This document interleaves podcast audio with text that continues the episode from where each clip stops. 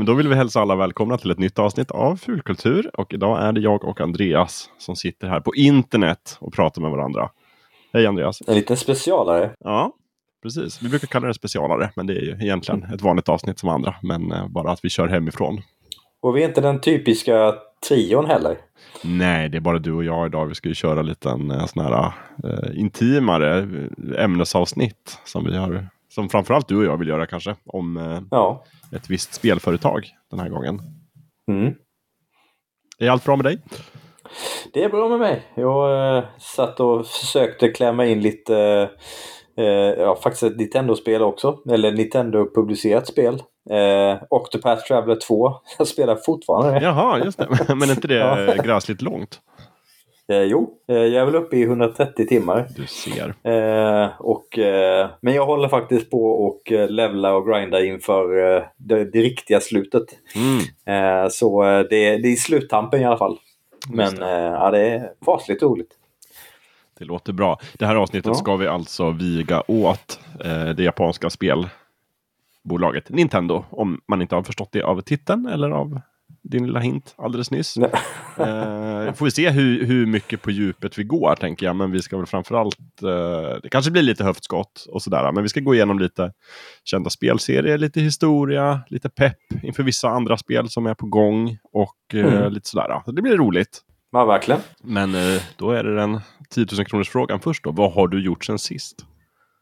Ja, förutom det jag, jag, hopp, jump the gun på, på den frågan med, genom att säga att jag har spelat Octopath Traveler 2. Eh, men det är ju ungefär allt jag har hunnit göra på senaste. Eh, jag har också laddat ner det sista DLC till eh, Xenoblade Chronicles 3. Mm, också Eh, Nintendo-relaterat Också ett nytt Switch-spel, ja precis.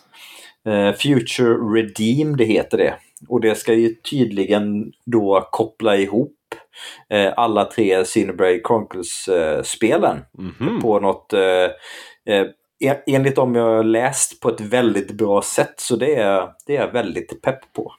Jag har bara inte bestämt mig om jag ska ta tag i det innan ett visst eh, högprofilerat Nintendo-spel släpps.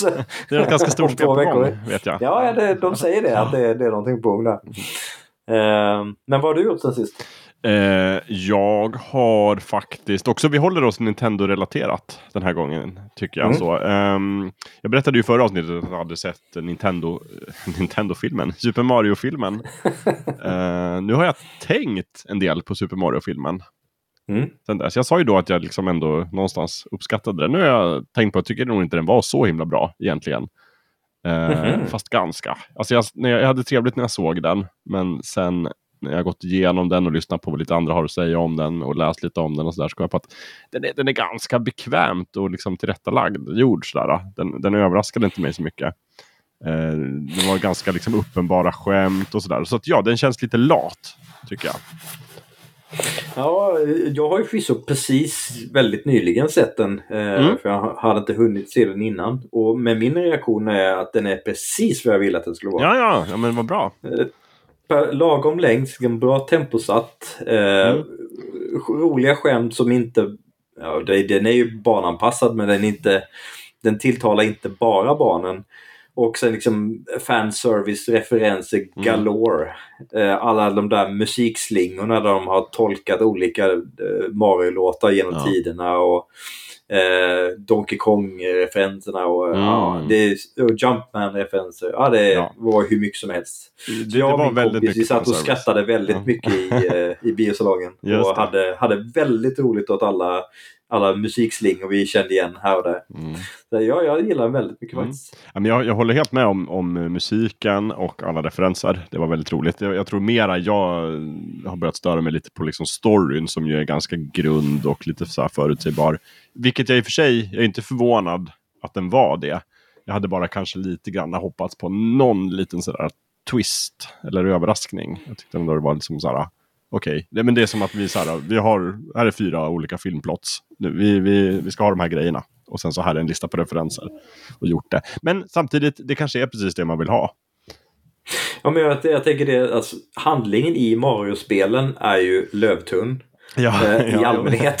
Så att eh, en film ska ha någon mer djuplodande handling hade jag inte riktigt förväntat mig heller. Ja, just det. Nej, men jag vet inte bara. Det bara, bara känns någon sån där liten. Det känns som att om man säger det här, då blir det roligt. Och sen så bara, men vi skulle kunna göra det ännu roligare om vi bara vrider det lite. Det här är det uppenbara skämtet, men vi skulle kunna kanske överraska.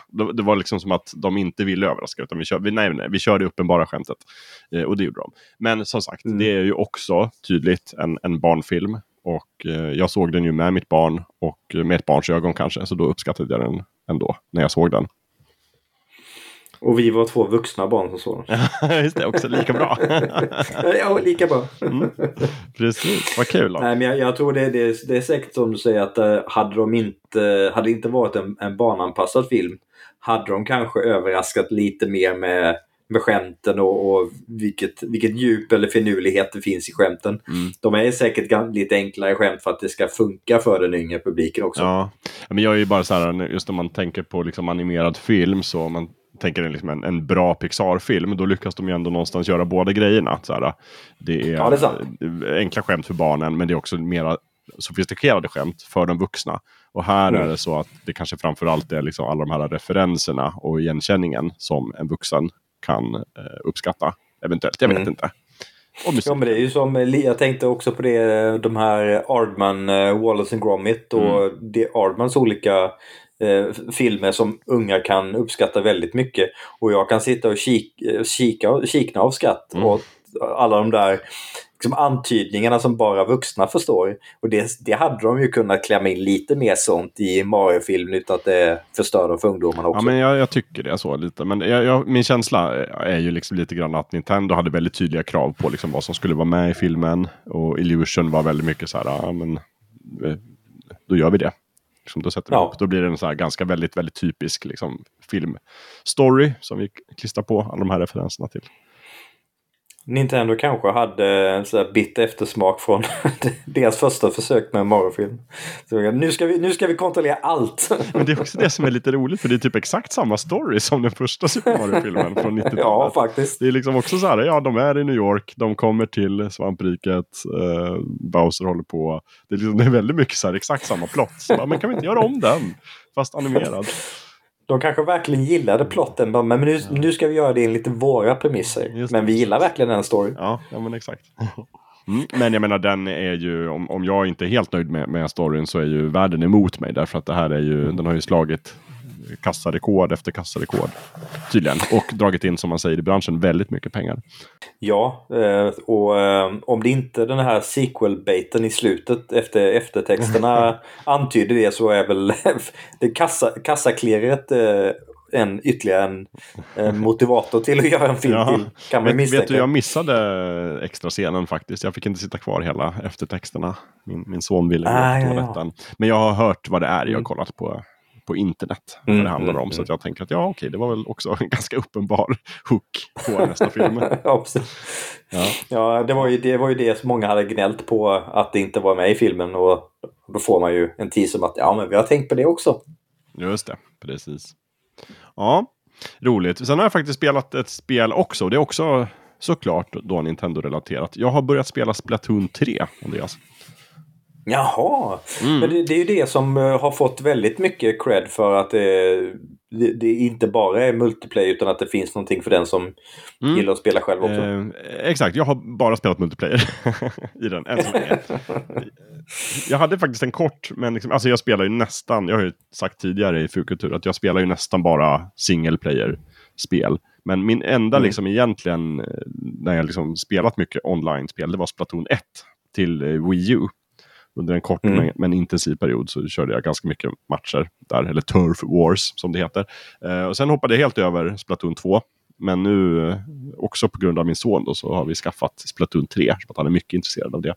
Eh, så vi kör, han kör lite granna och jag kör lite granna. Och jag har jätteroligt! Alltså jag måste säga att det är ett bra exempel på alltså, vad Nintendo är vassa på. Liksom. Att de kan ta ett sånt här riktigt beprövat koncept som online shooters. Och sen bara mm. skruva mm. till det på det här liksom otroligt knasiga viset. Och lägga till eh, en jätterolig stil och attityd. Och intensivt gameplay och bara göra det så himla polerat. Men också barnvänligt. Det är liksom, mm. ja, det är jätte, jätteroligt. Den där, den där odefinierbara Nintendo-magin. Mm.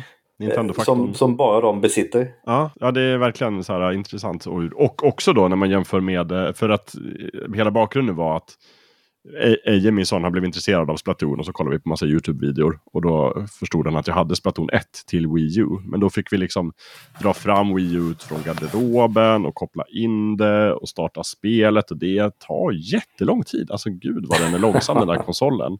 Och sen så ska man liksom komma ut på nätet och sen så finns det ju ändå inga som spelar Splatoon 1 längre. Så det är liksom svårt att komma in i det. Så man måste vänta jätte, jätte, jätte, jättelänge. Och så bara så här, åh nej, jag, jag står inte ut med det här tänkte jag. Så då köpte jag direkt Splatoon 3. Uh, eh, och alla grejer som jag tycker var liksom bristfälliga i ettan har de ju liksom åtgärdat i trean. Så det är verkligen en, uh, en bra vidareutveckling. Men visst finns det någon form av eh, enspelarkampanj eller story mode eller någonting ja. i, i den stilen? Oh ja, det finns det. Och det har det funnits egentligen i alla. Men den här ska vara ganska bra och liksom mm. ut, utarbetad. Eh, även om det är, liksom, det är i första hand är ju ett, eh, ett multiplayer-spel. Mm. Såklart. Och det finns jättemycket olika matcher också. Jag har, hittills har jag ju bara spelat Turf Wars och då är det ju två lag som springer och ska skjuta färg på liksom maximal, maximal yta på banan. Mm. Den som har mest färg vinner. Sen kan man skjuta varandra också med färg. Men eh, sen finns det ju lite andra varianter, typ så Salmon Run där man ska skjuta på laxar och eh, eh, Anarchy Mode och liksom lite så här, uh, man ska kasta basketbollar och bevaka liksom Tower Defense. Och, ja, det finns alla möjliga varianter helt enkelt. Ja, bara på den beskrivningen så låter det ju barnsligt roligt. ja, men det är kul. Det är väldigt kul faktiskt.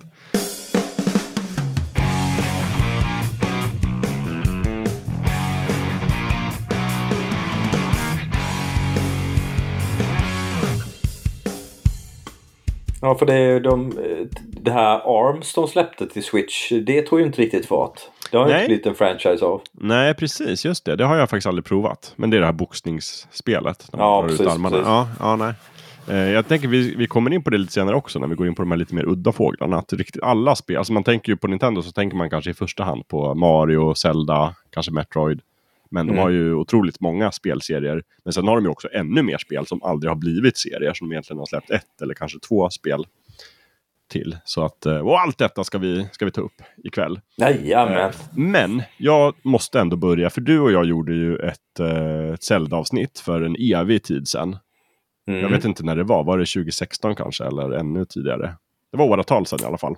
Ja, det var väl innan eh, switchen hade släppts? Ja, det var innan, precis. Och den släpptes ju med Breath of the Wild. För det var innan Breath of the Wild var. Men jag tror ändå att det fanns någonting på Breath of the Wild. Någon trailer kanske, eller ett koncept eller ett namn. Ja, det, det, det, det, skulle ju komma till Wii U länge. Så Just det, så, det hade ju släppts massa videos ja, på det. Exakt. Ja. Så, för jag tror vi nämnde någonting om att, ja men vad tror vi om Breath of the Wild? Jo men det kanske blir bra. Eller någonting sådär sa vi. men vi visste inte. Så jag tänkte dels, dels så ska vi inledningsvis nu ska, ska vi följa upp säga några några ord om liksom vad vi faktiskt tyckte om, om Zelda Breath of the Wild. Men också nu mm. då för att det är ju vad är det, en, mindre än en vecka kvar. Det är exakt en vecka kvar tills det nya Zelda-spelet Tears of the Kingdom släpps. Mm. Det är 12 maj. Är det ju det på fredag och nu är det fredag den 5 maj när vi spelar in detta. Så att sju dagar kvar. Mm. Uh, och jag skulle vilja ha lite sådär, uh, känna av peppen på dig. Är du liksom måttligt peppad på detta eller? Nej, jag är väldigt peppad. Väldigt peppad. Uh, jag är väldigt, väldigt peppad. Uh, och det, det har ju från början så skulle ju det här släppas inte så jättelångt efter uh, Breath of the Wild. De, de sa ju det att ja, det, här, det här ska typ släppas uh, 2021. Uh, så blev det inte riktigt så. Det är ju också en, så här, det är ju en Zelda-tradition om någon. Att så här, ja, men vi ska släppa det där och sen så, nej men det blir försenat i ett år. Så bara, nej det blir försenat i ett halvår till. Så att, de håller stilen vad gäller det i alla fall. Ja. Breath of the Wild blev ju också så här sjukt försenat. Ja, och de, de har ju gjort det, eh, det här släppa ett spel i början av en konsols livscykel och så släpper de ett till precis i slutet av den eh, konsolens livscykel mm. och det är ju precis där vi är med switchen nu. Mm. Eh, men eh, jo, jag, jag, tyckte ju jag, jag, tyckte ju det Breath of the Wild var fantastiskt bra. Eh, och om, man, om jag bara utgår från den, de där första trailers som släpptes så verkade ju det som då inte hette Tears of the Kingdom än eh, såg ut att vara lite, lite mörkare, lite mer, mm. lite allvarligare eh, berättelse än Absolut. Breath of the Wild. Mm. Eh, men nu i den senaste Nintendo Directen när de pratade om Tears of the Kingdom så eh, såg det mer ut att vara mer av samma som i Breath of the Wild fast de hade uppat kreativiteten och förändrat, lagt till i spelmekaniker och sådär men att atmosfären inte såg ut att vara jättemycket annorlunda. Men det kan ju bara vara mm. att det var, det var en slice av spelet de visade men själva berättelsen kan ju fortfarande vara lite mörkare, lite mer allvarlig. För det, det, det såg jag fram emot att det skulle vara li, inte, lika, inte lika glättigt som Breath of the Wild var. Mm.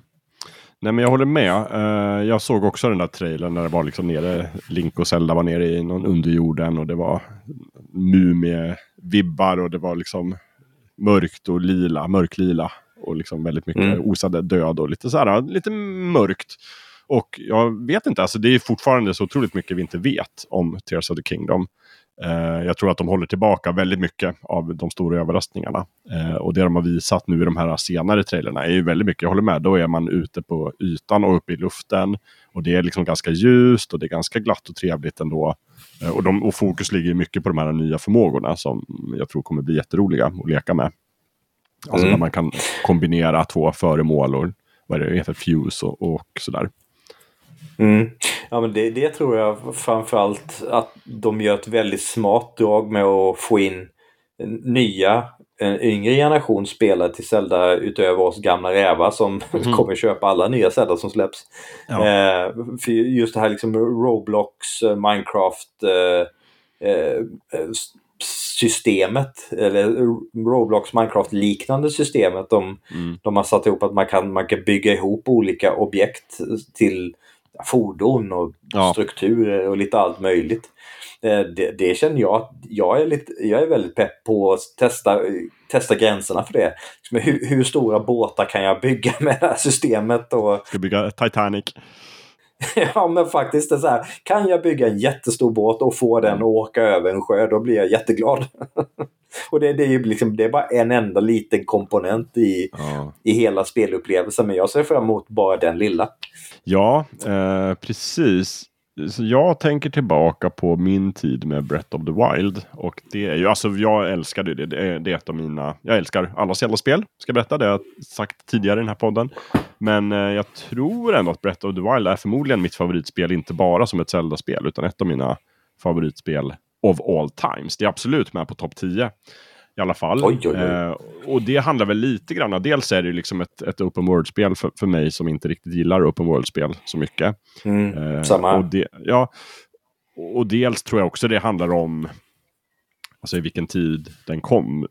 Det släpptes 2017 när min son var nyfödd och jag minns liksom hur jag spelade det här liksom sent på kvällar och mitt i natten och på morgnar och sådär. Du vet för bebisar vaknar ibland mm. och sover ibland och allt är kaos. Och jag har liksom väldigt, väldigt starka minnen som har etsats fast i mig. Att jag liksom springer runt i, i det här fantastiska Hyrule och eh, egentligen bara upptäcker just den här liksom upptäckarlustan har jag aldrig riktigt känt så mycket i andra Nej. open world-spel. Utan det har de verkligen lyckats naila.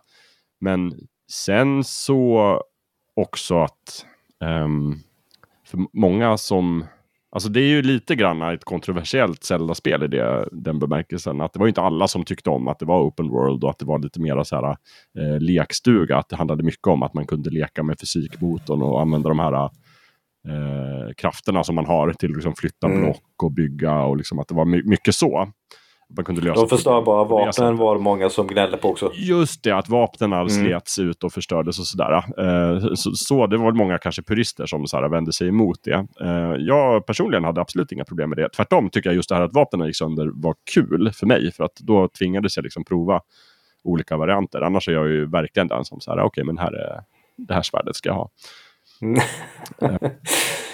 Mm. För, för, mig, för mig kliar den här samlar, eh, samlar eh, DNA i mig. Ja. Eh, om jag hittade ett jätte, jättebra och jättehäftigt vapen då tog jag det till mitt hus och hängde upp det där. Just och använde ja, inte precis. det. ja, nej, men liksom bara sådana grejer. Så här, ja, men du kan bygga ett hus och du kan inreda mm. ditt hus och sådär. Det är ju liksom, alltså det är inte nytt. Det har ju alla som spelat Skyrim såklart kunnat göra. Men jag har aldrig liksom fastnat för den mekaniken Nej. riktigt. Så här. Men här har de verkligen byggt upp det. Men det var inte så här, det jag älskade var inte i första hand det här med att ja, men jag kan labba med liksom, en fysikmotor och jag kan liksom se hur de här stenblocken rullar naturligt nerför backen och jag kan liksom använda järn för att leda ström. Och det var inte riktigt, visst, det var imponerande att de har byggt en värld som är så konsekvent.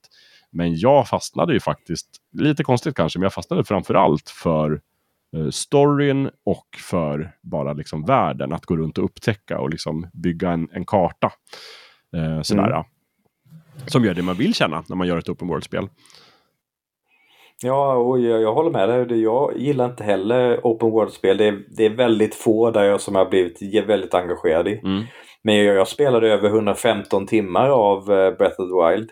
Ja. Och det var, inte, det var inte tråkigt en minut. Det fanns alltid, oavsett vilken, vilket hörn av den där spelvärlden, Hyrule du besökte, så fanns det alltid någonting spännande eller roligt att göra eller någon, någon sån där utmaning som man kunde lösa med fysikmotorn. Men då var det inte, det var inte fysikmotorn i sig utan det ja men nu ska jag lösa det här den här utmaningen för att få det här vapnet eller den här kistan eller vad det än må handla om.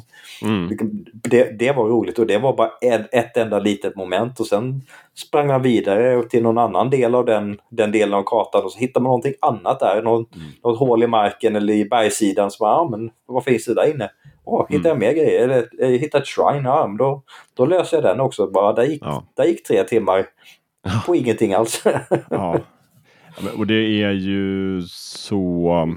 Jo, nej men alltså många, många andra open world-spel som jag har spelat upplever jag att så här, okay, vi har väldigt mycket yta i den här världen. Mm. Men, och vi har, liksom, vi har gjort en karta och vi har byggt, liksom, vi har fyllt den med massa ganska tråkiga quests. Och sen så har vi liksom i princip, okej okay, här ska vara en skog och då har vi tagit liksom skogpenseln i byggverktyget mm. så har vi målat en skog här. Så. Men, men i Breath of the Wild kändes det verkligen som att nej, men vi har faktiskt funderat igenom hur världen ska se ut väldigt, väldigt noga. Och liksom, mm. det ligger inte bara en skog där utan den fyller en funktion. Och det är för att man ska, liksom, alltså man ska verkligen känna det kändes som att världen var byggd för att man skulle liksom sakta men säkert lära sig hitta i den och liksom bli mer och mer bekant. Och jag tycker det återspeglas mm. lite i titeln också, liksom Breath of the Wild. Att det verkligen så här, vi ska förmedla eh, vildmarken på ett övertygande sätt i ett spel. Och det tycker mm. jag de gjorde. Ja, det är från, från första stunden när man går ut eh, på den där klippavsatsen och tittar ut över Hyrule Mm. Då får man ju verkligen den här äventyrskänslan från första minuten. Ja visst, verkligen. Och det är väl också så här, om jag ska prata lite om, om Tears of the Kingdom. För mig, jag är, ju, alltså, jag är ju helt övertygad om att det kommer bli fenomenalt. Liksom. Nintendo släpper inte dåliga Zelda-spel. Eh, men jag tror kanske inte att det kommer ha exakt samma impact som Breath of the Wild hade. I alla fall inte för mig. Eh, dels för att liksom, nu är det ju lite mer, oavsett hur mycket nyheter det är, så är det lite mer av samma. Eh, även om mm. såklart det kommer många överraskningar. Eh, men för mig personligen så känns det också så här, det känns lite, lite tråkigt att det är, alltså de har ju byggt om världen väldigt mycket, men det är fortfarande samma karta. Det är egentligen i grund och botten samma Hyrule som man är i, även om det är mycket mm. nytt innehåll. Och då kan jag tänka så här, men då kommer jag ju inte få liksom just den här upptäckarkänslan på samma sätt som jag hade med det förra spelet. Eh, det, Nej. jag ska inte säga att det, det oroar inte mig, men jag känner bara att det kanske inte kommer bli liksom mitt topp 10-spel som det här var. Men jag, någonstans i mig så, så, Nintendo är ju väldigt duktiga på att eh, trotsa för, förväntningarna och faktiskt göra någonting väldigt bra med någonting som är väldigt bekant redan. Ja, så ja. Det, det, finns en chans att de ändå lyckas ta den här samma, samma spelvärld, samma karta och ändå fylla den med någonting som, som man blir fascinerad av. Mm. Eh, jag har ändå vissa förhoppningar om att de, de kan lyckas med den bedriften. Ja, ja, kanske. Ingen skulle bli gladare än jag. Jag vet i alla fall att det är det här spelet jag kommer spela liksom hela sommaren och förmodligen långt in på hösten. Alltså traditionellt så spelar jag ju Zelda-spel väldigt, väldigt länge. Och så har jag liksom mm. ett uppehåll i mitten och sen så spelar jag klart det liksom två år senare. Så, där, så det, det här kommer vara, vara med mig länge och jag är helt säker på att det kommer bli ett 10 av 10 spel. Såklart, så att jag är inte alls orolig så. Jag tror bara just här att, att återskapa samma känsla som jag hade för Breath of det tror jag kan bli svårt. Men å andra sidan, det kanske blir bättre på andra sätt också och mer intressant. Ja, Men eh, om, man, om man kör så, ditt upplägg på att spela, spela klart det först långt senare. Ja. Då, då får man ju med all DLC. För jag körde Jo, klart spelet ganska kort efter det släpptes. Ja. Och sen har jag inte tagit del av alla de här små DLC-paketen som har släppts Mm, eh, just det, under tiden efter det. Nej. Just, just Breath of the Wild var faktiskt ett lite av ett trendbrott för mig. Därför att det recenserade jag åt FZ. Det var en av de få liksom, spelrecensioner som jag har skrivit. Men då var det det. Så då Mm. spelade jag igenom storyn egentligen väldigt snabbt. Och liksom gjorde Mm. en, upp, upptäckte en del och sådär. Men jag liksom, det var verkligen hela tiden känslan av att oj vad mycket mer det finns att upptäcka i det här. Eh, Mm. Sen så började jag liksom om från början. Och då gjorde jag det liksom några veckor senare.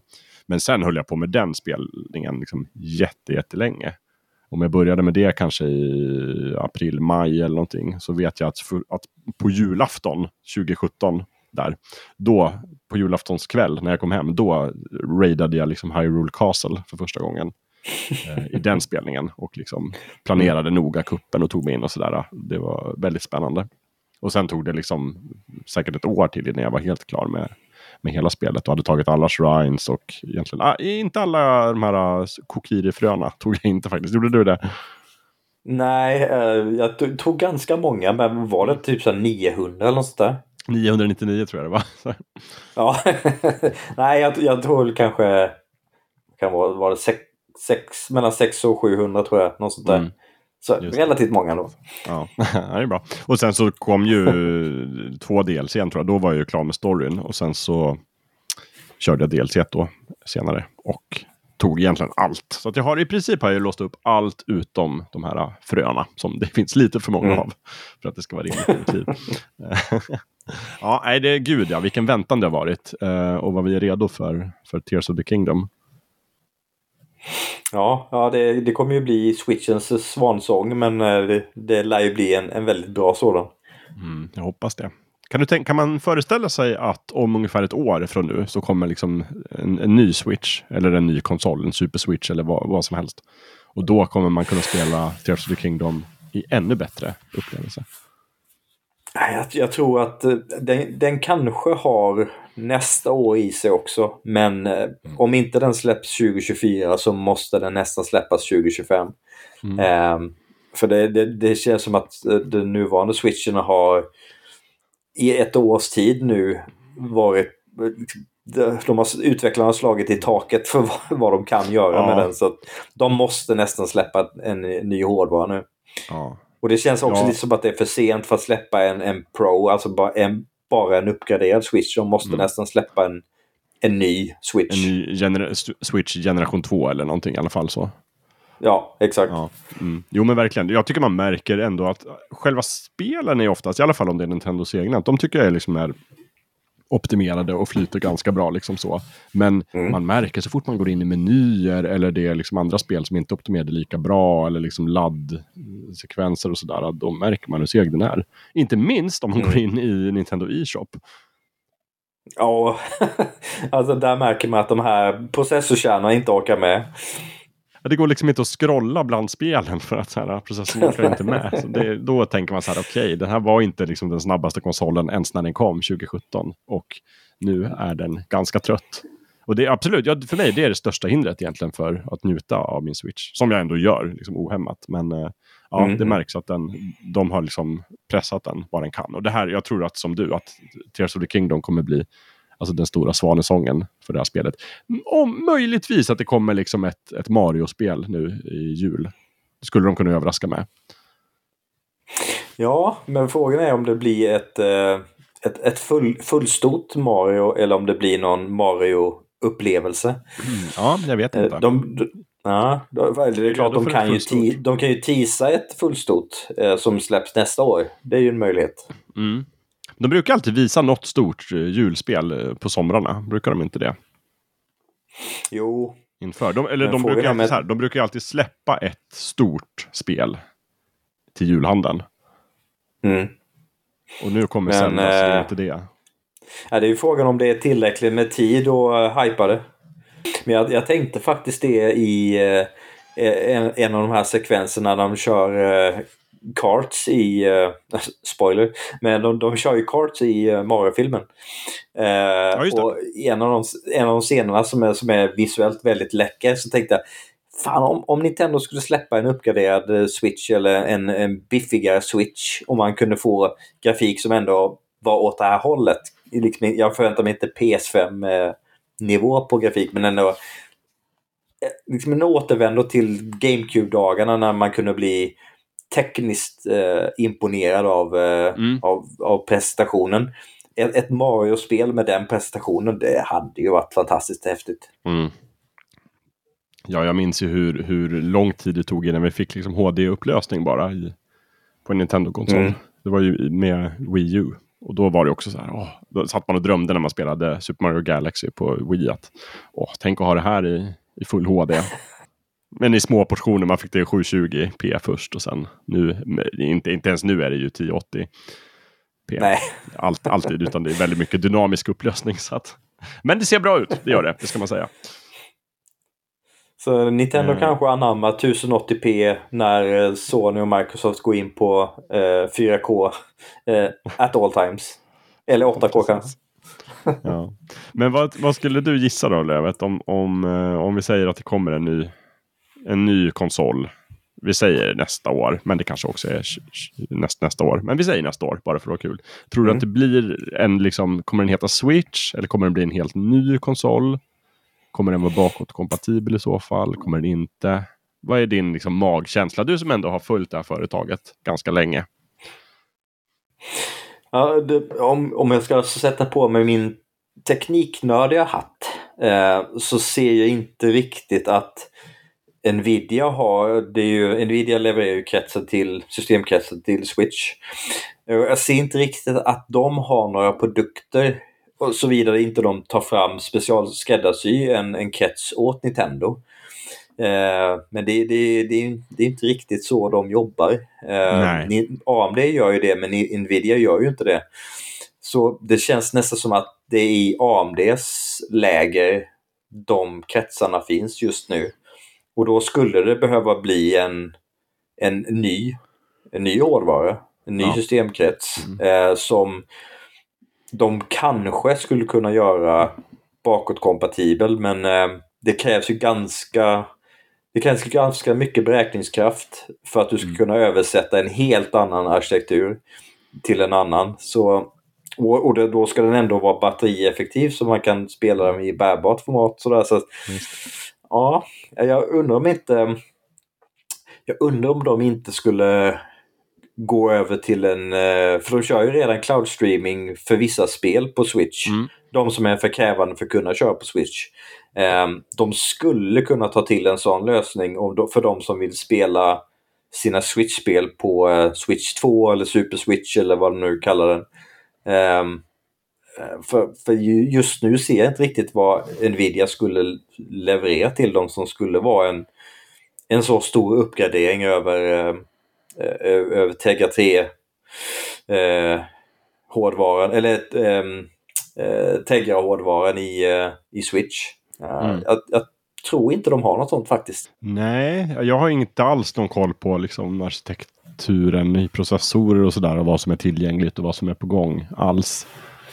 Um, så det vet jag inte. Men jag, jag, jag, förstår ju just det att om man, om man byter processortillverkare så blir det såklart svårt att bygga in bakåtkompatibilitet. Om man inte då mm. liksom emulerar eller eh, använder någon annan häxkonst eller magi för att göra det. Men som sagt, då är det ju processorkrävande och då... Ja, men Microsoft har ju kunnat göra det på Xbox One och Xbox Series. Mm. För det är, det är en stationär konsol, de kan ju bara kräma på så det står härliga till. Men det kan du ju inte med en bärbar konsol. Min, min spontana, nu fram tills du sa så här så hade jag ju bara tänkt att så här, men det är klart de kommer göra den vanliga grejen de alltid gör och släppa en liksom en new switch eller en sån där switch pro eller någonting som är liksom eh, uppdaterad prestandamässigt men i övrigt mer eller mindre samma. Men det är sant, det har gått mm. ganska lång tid nu och det, är liksom, det kanske de skulle ha gjort för ett tag sedan. Ja, det känns som att de hade behövt släppa den Pro-varianten för två år sedan. Så att, eh, ja, för att alla skulle vara nöjda. ja, precis. Nej, men så att den, den, det skulle finnas den uppgraderade upplevelsen eh, ett tag innan de släpper en Switch 2. Då hade de kunnat vänta lite längre med att släppa en Switch 2. Men nu när de inte har släppt någon uppgradering då måste de nästan släppa en, en ny signifikant uppgradering i, i en uppföljare. Tror jag faktiskt. Men jag tror alla som liksom någonstans går och längtar efter Tears of the Kingdom också lite grann går och längtar efter en snabbare hårdvara att spela den på. ja. Även om jag är helt säker på att de såklart kommer att optimera det här spelet utav bara helvete så, så gott de kunnat. Jo, men det, där känns det också som att de har ju uppdaterat Breath of the Wild ett antal gånger för att det ska flyta bättre. Och de sista uppdateringarna det verkar ju som att de, de pressar ju hårdvaran så gott det går. Så jag undrar hur mycket, de, hur mycket mer de kan göra för att få Tears, Tears of the Kingdom att flyta bättre. Ja. Jag tror man ska nog förvänta sig att det kommer nog nu vara ungefär på samma nivå som de sista uppdateringarna av uh, Breath of the Wild faktiskt. Ja, ja men jag tror också det. Och, och ser man på tra de trailers som är släppta så är det inte så här. Det är ju absolut inte någon större skillnad eh, vad gäller grafik. Alltså kanske lite, det kanske är Nej. lite häftigare effekter, men det är absolut, det är ju klart att det är samma motor, det är, jag tror det är samma framerate, samma upplösning och sådär. Så det är mm. ungefär vad vi kan förvänta oss.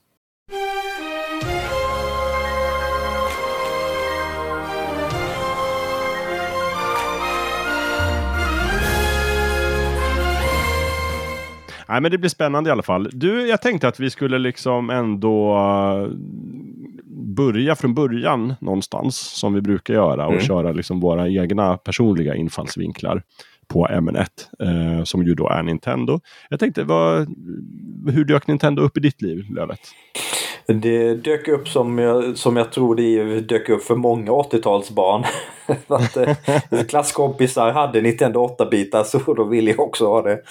Eh, och eh, eh, spelade ju dem utöver Super Mario Bros, eh, Teenage Mutant Ninja Turtles och eh, det var väl ungefär de två spelen jag hade råd att köpa på den tiden. De andra spelen spelade på NES, det var hos kompisar. Mm. Men, eh, men, det, men det var ju så all, all, nästan alla i min skola hade 1908-bitars. Det fanns kanske någon som utöver 1908-bitar hade en, en, en Sega-maskin. Men där jag växte upp, där, där var normen Nintendo. eh, så det, det, var allt jag kände till i spelväg. I Blekinge dominerade Nintendo. ja, i alla fall den bygden jag bodde i. Ja. Sen hade jag släktingar som jag besökte som hade Commodore 64 och sådana maskiner. Eh. Som jag liksom lekte lite med men eh, det var aldrig, aldrig någon sån spelmaskin i vårt hem. Det var 1908-bitars och sen eh, ett, ett tag när vi till slut fick råd och tillåtelse att eh, få en Super Nintendo i eh, födelsedagspresent så fick jag, fick jag den också. Och samma sak där, jag hade typ råd med två, tre spel under den konsolens livscykel. Man köpte en dyr konsol och så liksom, kunde man spela två spel på den. Det är så otroligt. ja, men på, på den tiden. Mm. Det här är ju 90-talet. Då kostade ju Super Nintendo-spelen 700 spänn. Oh. Nu för tiden kan folk gnälla över att spelpriserna har gått upp till 700 kronor. Men där var ju ja, mitten av 90-talet eller tidigt 90-tal. Och de kostade 700 kronor. Ja, det är inte så konstigt att en, en, en liten Lövet inte hade råd att köpa mer än kanske två, tre spel under livstiden där. Men, eh, men eh, det var ju Super Nintendo, Zelda och uh, Metroid uh, som, som verkligen fick mig hooked på mm. spelmediet. Det var ju andra spel som var också väldigt trevliga men just den här aha-upplevelsen i första Zelda, det var ju ändå en, en, en slags open world, eller ett, mm. ett, öppet, ett öppet speläventyr på en tid mm. när det inte riktigt fanns i, på det sättet. Absolut, ja man ser, man ser ju tydligt liksom inspirationen i Breath of the Wild från just det absolut första Zelda-spelet. Mm. Fast i liksom såklart mycket mer avancerat och, och, och snyggt. Men, men absolut, grunderna fanns ju där redan. Att du, du kunde mm. gå till vilken del av världen du ville egentligen. Och, och sådär. Och tackla saker i olika ordning. Det är, det är open world i prototyp. Ja. Men eh, jag får nog säga att det var nog Metroid och framförallt Super Metroid som, eh, som verkligen eh, konverterade mig till spelnörd. Ja. Eh, för just den kombinationen av science fiction och utforskande och det, det spelmekaniska i att hitta uppgraderbara saker som gör att man kan hitta tillbaks till områden man inte kom eh, kom, kunde nå tidigare. På den tiden fanns ju inte Metroidvania-konceptet. Eh, så så det, var ju, det var ju helt nytt och otroligt imponerande. Mm. Eh, jag minns foto, Super Metroid, när, när jag nådde de olika delarna av den spelvärlden. Det, det, det är nog bland, ja, det är definitivt topp två i mitt spelliv av Oj. Eh, mest imponerande spelupplevelser. Det och Final Fantasy 7 typ. ja, just det. Precis. För jag skulle precis säga det. Då måste man ju fråga vad, vad ett, den andra av de två är. ja, jo, men det, det, är de två spelen jag... Det, det har nog överlägset störst impact på mig. Ja. Men eh, Super Metroid var först. Hur var det för dig då? Jag håller med. Super Metroid är också på min lista. Så. Nej, men, eh, alltså, som så mycket annat kultur på 80-talet så, så dök Nintendo upp för mig i form av eh, reklamannonser, i, i leksakskataloger och i butiker där det fanns nära demokiosker där man liksom fick spela. De liksom loopade mellan typ tre eller fyra spel och så fick man spela liksom i två minuter och sen så bytte den spel. Och så, och så bildades det en liten kö i leksaksbutiken av barn som ville spela dessa fyra minuter och sen så liksom var det någon som började tjata. Bara, är min tur. Och sådär. eh, ty vi hade inte tv-spel hemma som ytterst få hade på den tiden. Men, nej, men det var väl så någonstans jag bara fick upp, liksom, jag minns att så här, okay, Nintendo är en grej.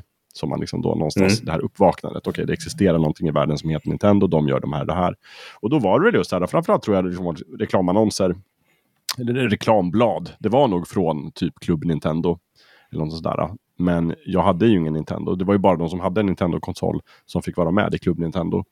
Mm. Jag tror mm. våra grannar hade en Nintendo. Så att det var väl hemma hos dem jag liksom lånade de här reklambladen och liksom såg att uh, som illustrationer av liksom, du vet, Link och Samus Aran och, och Mario såklart. Och sådär. Att jag slogs av att det var väldigt starka karaktärer och väldigt intressanta karaktärer. Och att, såhär, uh, bara av själva illustrationerna så förstod man att okay, men det här är liksom någonting väldigt intressant.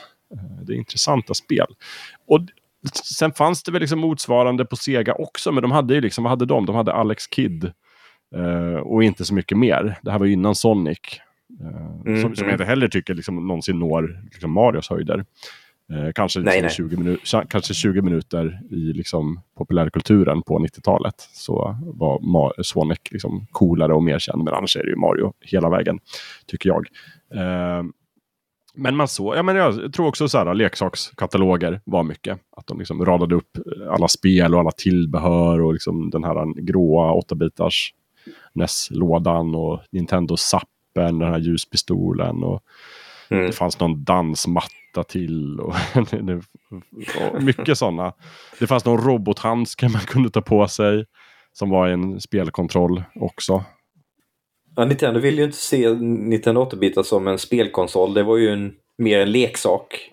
Ja, exakt. Och vi kommer snart in på lite historien om Nintendo, tänker jag. Så, men det är liksom i deras mm. DNA det verkligen framförallt att liksom släppa leksaker. Och, um, så att, ja, absolut. Men det fanns många konstiga tillbehör. Jag tror redan då förstod jag att den här robothandsken inte var särskilt ergonomisk att spela spel på. men, men den såg cool ut i alla fall. Oh ja. Eh, det är väldigt roligt förresten i Splatoon. Där har man ju ett av vapnen man kan köpa är ju en Nintendo Zapper. Jaså? mm. Man kan köpa dels eh, en, en SAP heter den där. En SAP 87 kan man köpa, det är grundmodellen. Och sen när man levlat upp till level 14 då kan man köpa den orangea också, Famicom färgerna, japanska utgåvan. Då den heter NSAP 89. Väldigt coolt. Kan man köpa bazooka? Eh, jag, jag, vet inte om det är Nintendo Bazookan faktiskt, men det finns ju olika bazookas i spelet. Men jag har inte undersökt det, mm. det har du rätt i. Jag måste kolla. Intressant. Mm. Jag hade glömt bazookan. Tala om sjuka tillbehör. Ja, verkligen. Nej, men det var väl det, eh, det, var väl det i alla fall jag liksom blev intresserad av Nintendo. Men precis som du så hade jag inga pengar, kunde inte köpa någon 8-bitars. Utan fick gå hem till liksom grannarna eller klasskompisarna och spela. Eh, det fanns ju några i klassen som hade liksom både Nintendo 8-bitars och ganska många spel. Då mötte jag liksom Metroid som var fantastiskt spännande. Eh, Zelda 1, mm. Zelda 2 och såklart Mario. Eh, sen min egna första maskin, det var också precis som du så var det en Super Nintendo. Och den köpte jag begagnat faktiskt ganska många år senare. Jag vet inte om jag var kanske så här ändå 17, 18 någonting. Att jag till slut lyckades komma över en, en Super Nintendo. Och spelade mm framförallt Super Metroid, en magisk sommar. Eh, Så det var liksom egentligen min första konsol. Så. Sen köpte jag egentligen ganska mycket bärbara konsoler. Jag köpte ett eh, Game Boy Advance. Det var det första Nintendo-konsolen som jag köpte när den släpptes. Som var typ 2001. Ja, samma för mig. Jag ägde aldrig det första Game, Gameboyen. Ne- Nej, nej, inte jag heller. Det hade min, eh, min kompis André hade den däremot. Så jag spelade mycket Game Boy. Men just Game Boy Advance och Super Mario Advance. Super Mario Bros 2 Mm. alltså i remake. Körde jag ganska mycket. Eh, och sen på den vägen är det egentligen efter Game Boy Advance så har jag köpt egentligen alla bärbara konsoler och från och med GameCube har jag köpt alla. Jag köpte aldrig någon Nintendo 64 men jag köpte GameCube och sen Wii och sen Wii U och sen Switch. Ja, för, för min del var det faktiskt... Eh, eh, det var bara... Wii U är den enda konsolen där jag har väntat ganska länge innan jag köpte den. Annars Mhm. de, alla de andra konsolerna Oj. har jag varit, eh, varit med på nästan dag ett. Super Nintendo fick jag vänta lite med men... Ja, vad skulle Shigeru Miyamoto säga om man hörde det? Han skulle bli besviken. Jag var, en, jag var en av dem som eh, gjorde att de fick lägga ner den. Ja, precis. Nej, men du gjorde ett bra jobb i slutet vet jag. Jag vet att du gjorde en eh, roligt FZ-framträdande när de skulle eh, lägga ner Wii U. Tipsade om så här bra Mm. bortglömda Wii U-spel som ingen köpte för att ingen köpte Wii U. Ja, men i, i slutändan så tyckte jag faktiskt om den konsolen och, och framförallt spelen som släpptes. Det släpptes ju många bra spel på slutet som blev helt förbisedda för att eh, det, var, det var så få som ägde den. Ja. Men å andra sidan, det är liksom, då har ju Nintendo massor av spel som de kunde släppa sen i, i deluxe-utgåvor på Switch istället. Det gjorde de ju också. Jag tror nästan alla deras egna är liksom släppta på Switch nu. Nått en större publik. Men jag gillade också Wii U, Ja. men jag gillade kanske inte det som var gimmicken med den konsolen så mycket. Jag tyckte om, jag körde med liksom Nej. en Pro-controller och körde. Jag ville ha de vanliga spelen egentligen, alltså Zelda och, och Metroid och, och de här. Som i och för sig aldrig kom då till Wii U. Men... Nej, det var egentligen bara Wind Waker HD som jag tyckte använde den där gamepaden på ett vettigt sätt. Ja, det var ju det uppenbara användningsområdet, att använda gamepaden med en skärm på som karta.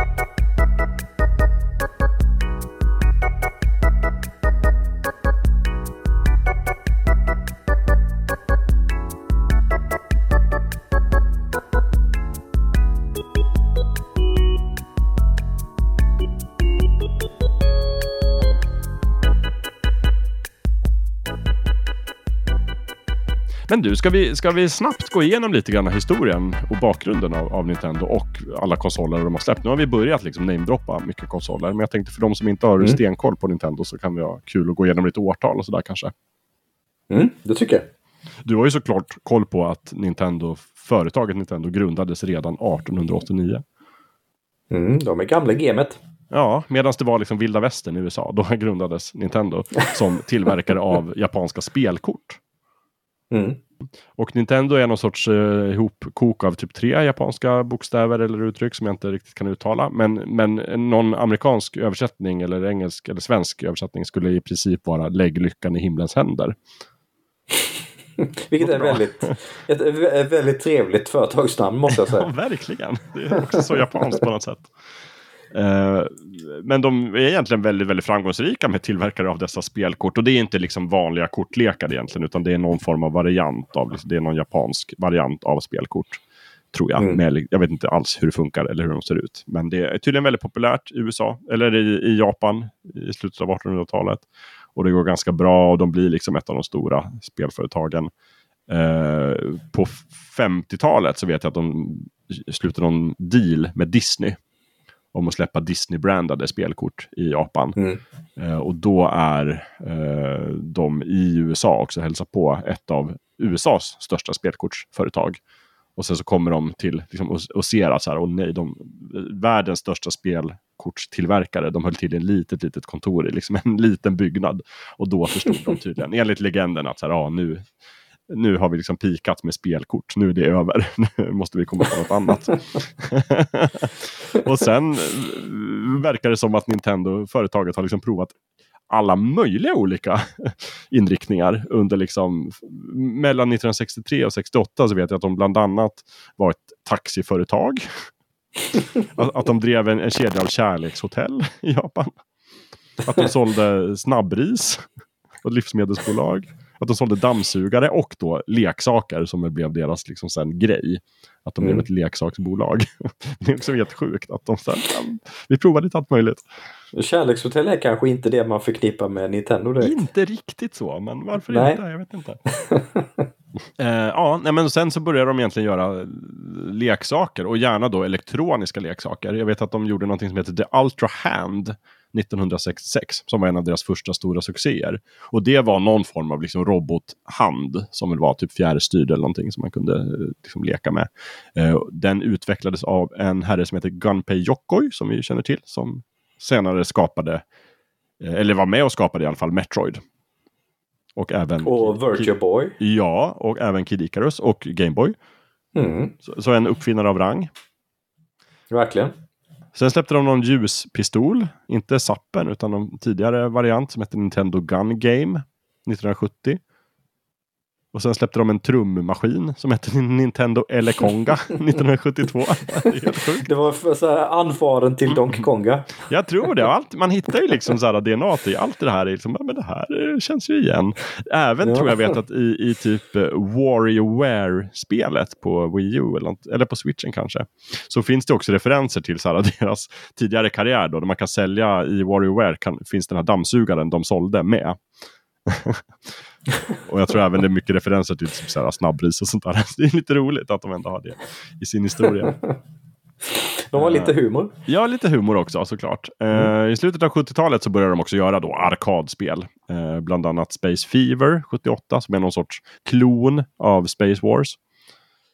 Men det var något spel som hette Sheriff, något som hette Monkey Magic, och någon som hette Bomb BN och sådär. Det låter lite Nintendo-aktigt tycker jag. Mm. jag tror att många av de här spelen har sedan dykt upp i liksom, Game Watch-varianter eller liknande. Det här med att apor har någon del i deras spelupplevelse, det har ju ett, ett långt arv med andra ord. Ja, det, ja men verkligen. Helt klart.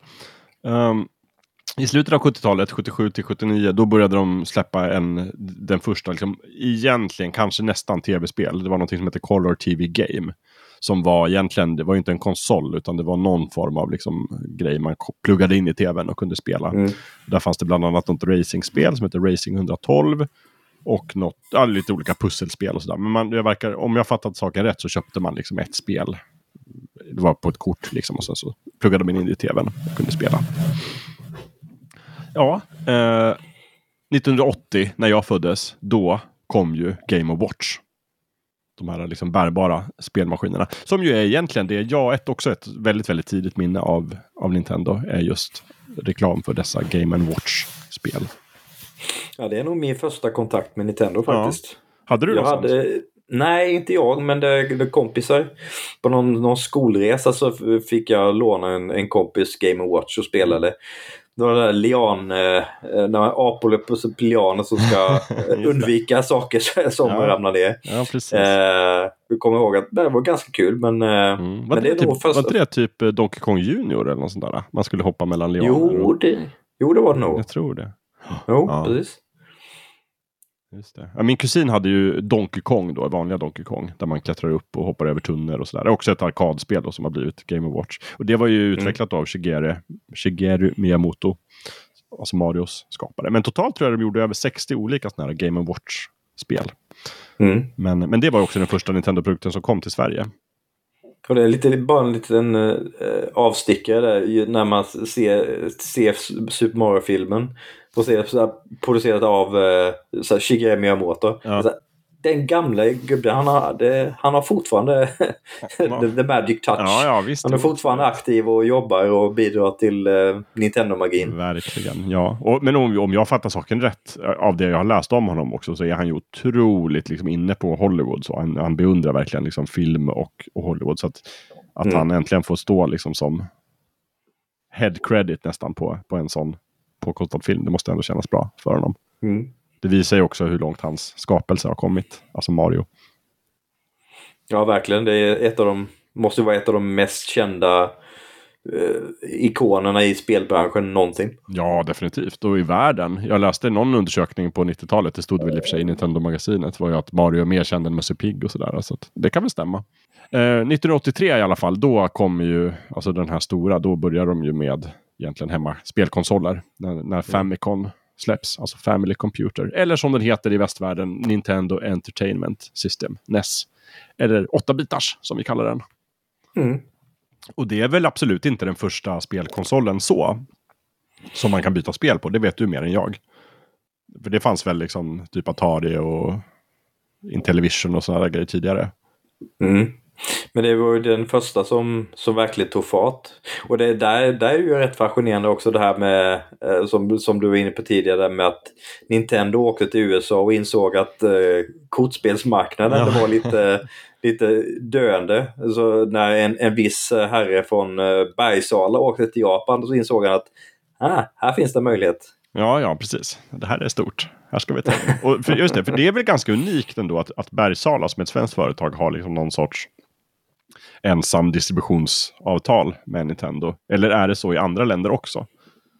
Det jag har för mig att på den tiden, så Nintendo när de började distribuera så använde de jag vet inte, de kanske inte gjorde det själva men de hade väl äh, andra distributörer i Europa. Så det, mm. Sverige var väl ensamt om att ha ett, ett enskilt företag, enskilt inhemskt företag mm. som sköter all distribution åt Nintendo. Ja, precis. Och så är det ju även till denna dag. Ja. Har, har du varit i Bergsala? Du som har en historia som speljournalist. Nej, faktiskt inte. Um, jag har kört eller åkt i bil så att jag kan se Mario-statyn. Ja, men okay, det är så nära jag har kommit faktiskt. Ja, sen kör du vidare? Ja. Mm, just, uh, ja. Men ja, de, de, har väl till och med uh, bytt lokal eller uppgraderat eller vad de nu har gjort. Så att uh, det är väl rätt maffigt. Nintendo Center där får man, får man ändå säga. Vid Marios gata ligger de väl fortfarande ändå? Ja. ja. Jag, jag, var faktiskt på väg dit. Jag har inte varit där heller. Men jag skulle dit, eh, vet jag, på, när vi jobbade på Geeks.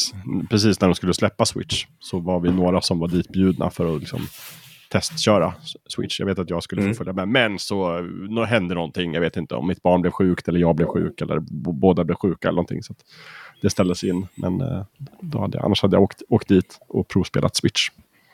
Men eh, jag, när jag var, var, i Japan så åkte jag faktiskt till eh, Kyoto och eh, besökte Nintendos högkvarter. Oh. Så jag har inte varit på Bergsala i Sverige, Nej, men jag har varit på Nintendo på... i Japan. Ja, var är det? Ligger den i Tokyo eller ligger den i Kyoto? Eller? Eh, Kyoto. Kyoto. Mm.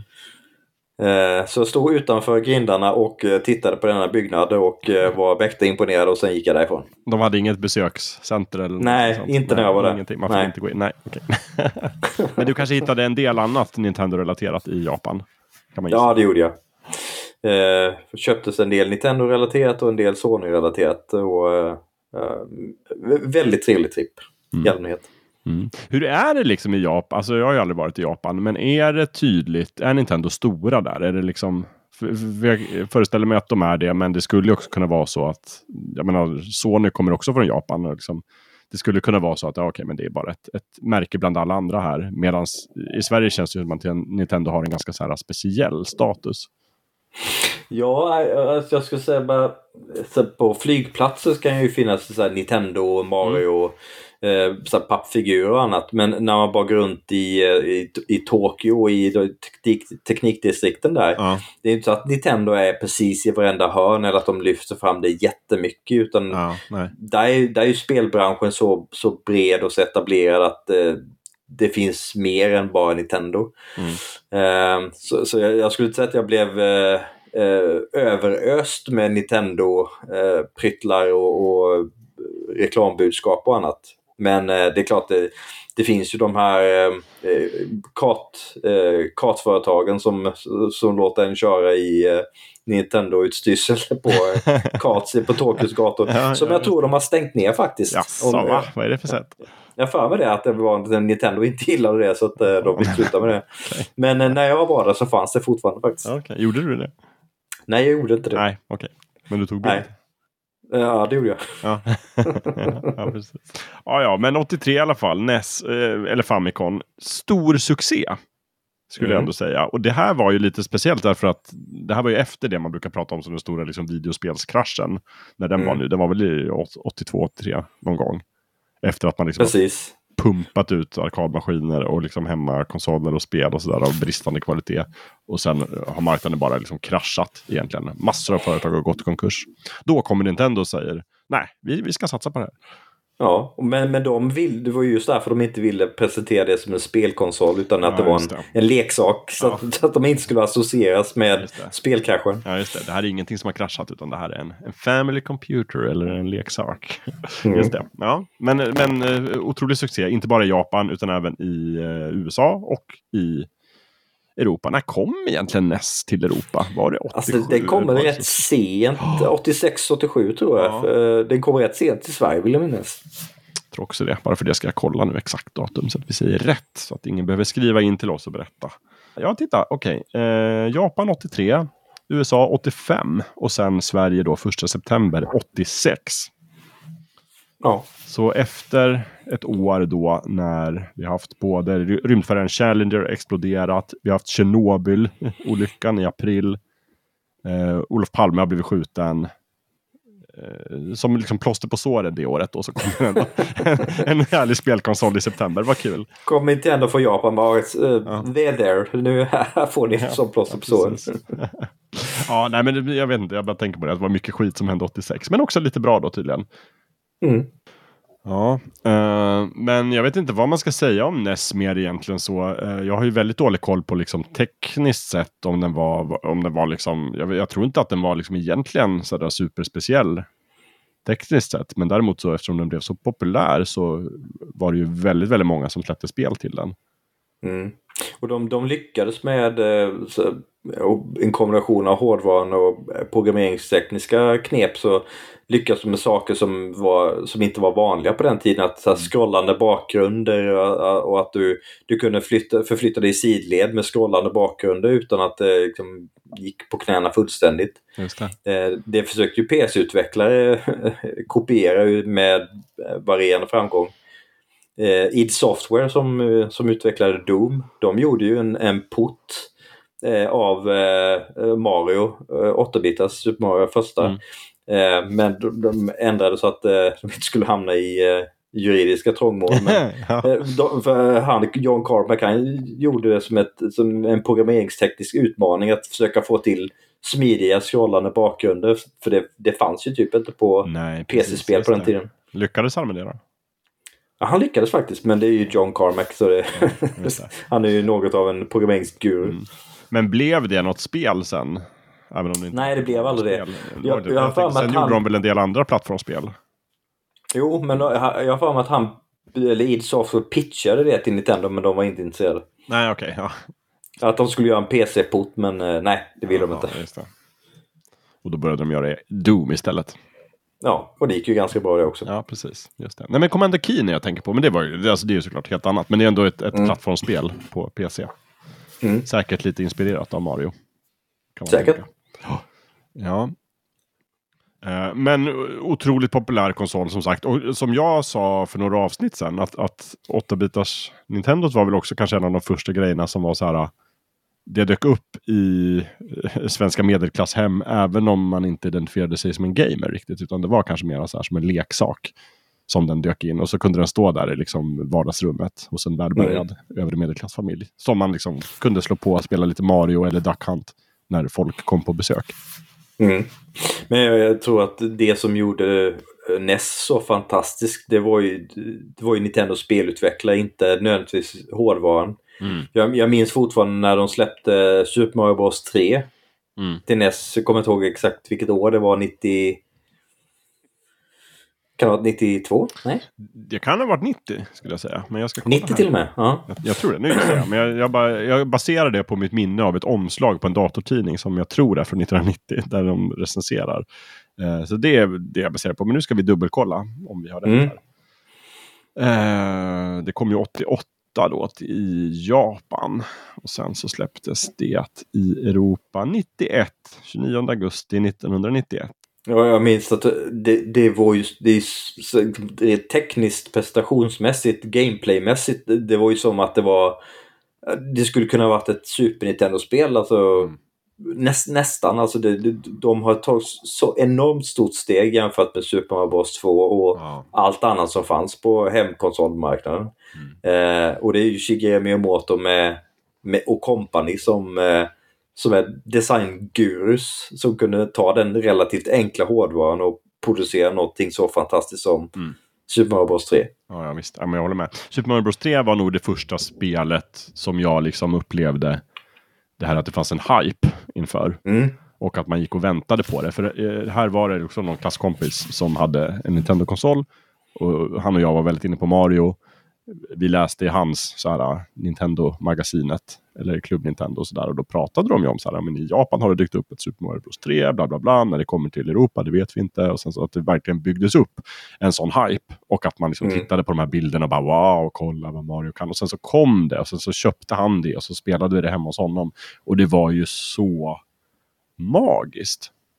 Mm, det, är ja, det, faktiskt. Eh, det är ju ett av mina favorit Mario-spel skulle jag säga. Nästan ibland det att jag tycker mest om. Ja, det är det och Super Mario, Super Mario World. Men ja. ja jag, håller, jag håller med. Om man bara ska se till hur imponerande det var när det släpptes mm. så då är nog trean det, det främsta av dem alla. Ja, och, och, i den vevan 91 så var det ju också så här, då släpptes ju också den här, om den hette Nintendo-magasinet kanske, liksom en, en riktig tidning som man kunde köpa i kioskerna och på, på bensinmackarna. Mm. Eh, och läsa serier om Nintendo och just det här att Super Mario Bros 3-serien kom och de hade Zelda-serier. Och mm. om man då var också eh, någonstans medlem i Nintendo-klubben så fick man någon sorts bilaga till.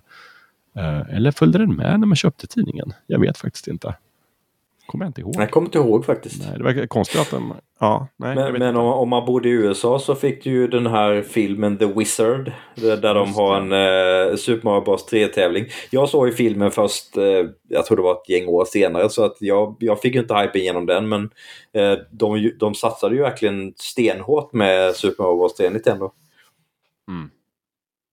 Ja, nej men verkligen. Och det var liksom just där man märkte då någonstans att medvetandet om Nintendo tog liksom, gick upp på en ny nivå. Eller så var det bara att jag liksom gick i lågstadiet och gick i skolan och pratade med, med barn på skolgården. Men jag kan säga i alla fall att 1991 så var Nintendo en snackis på skolgården.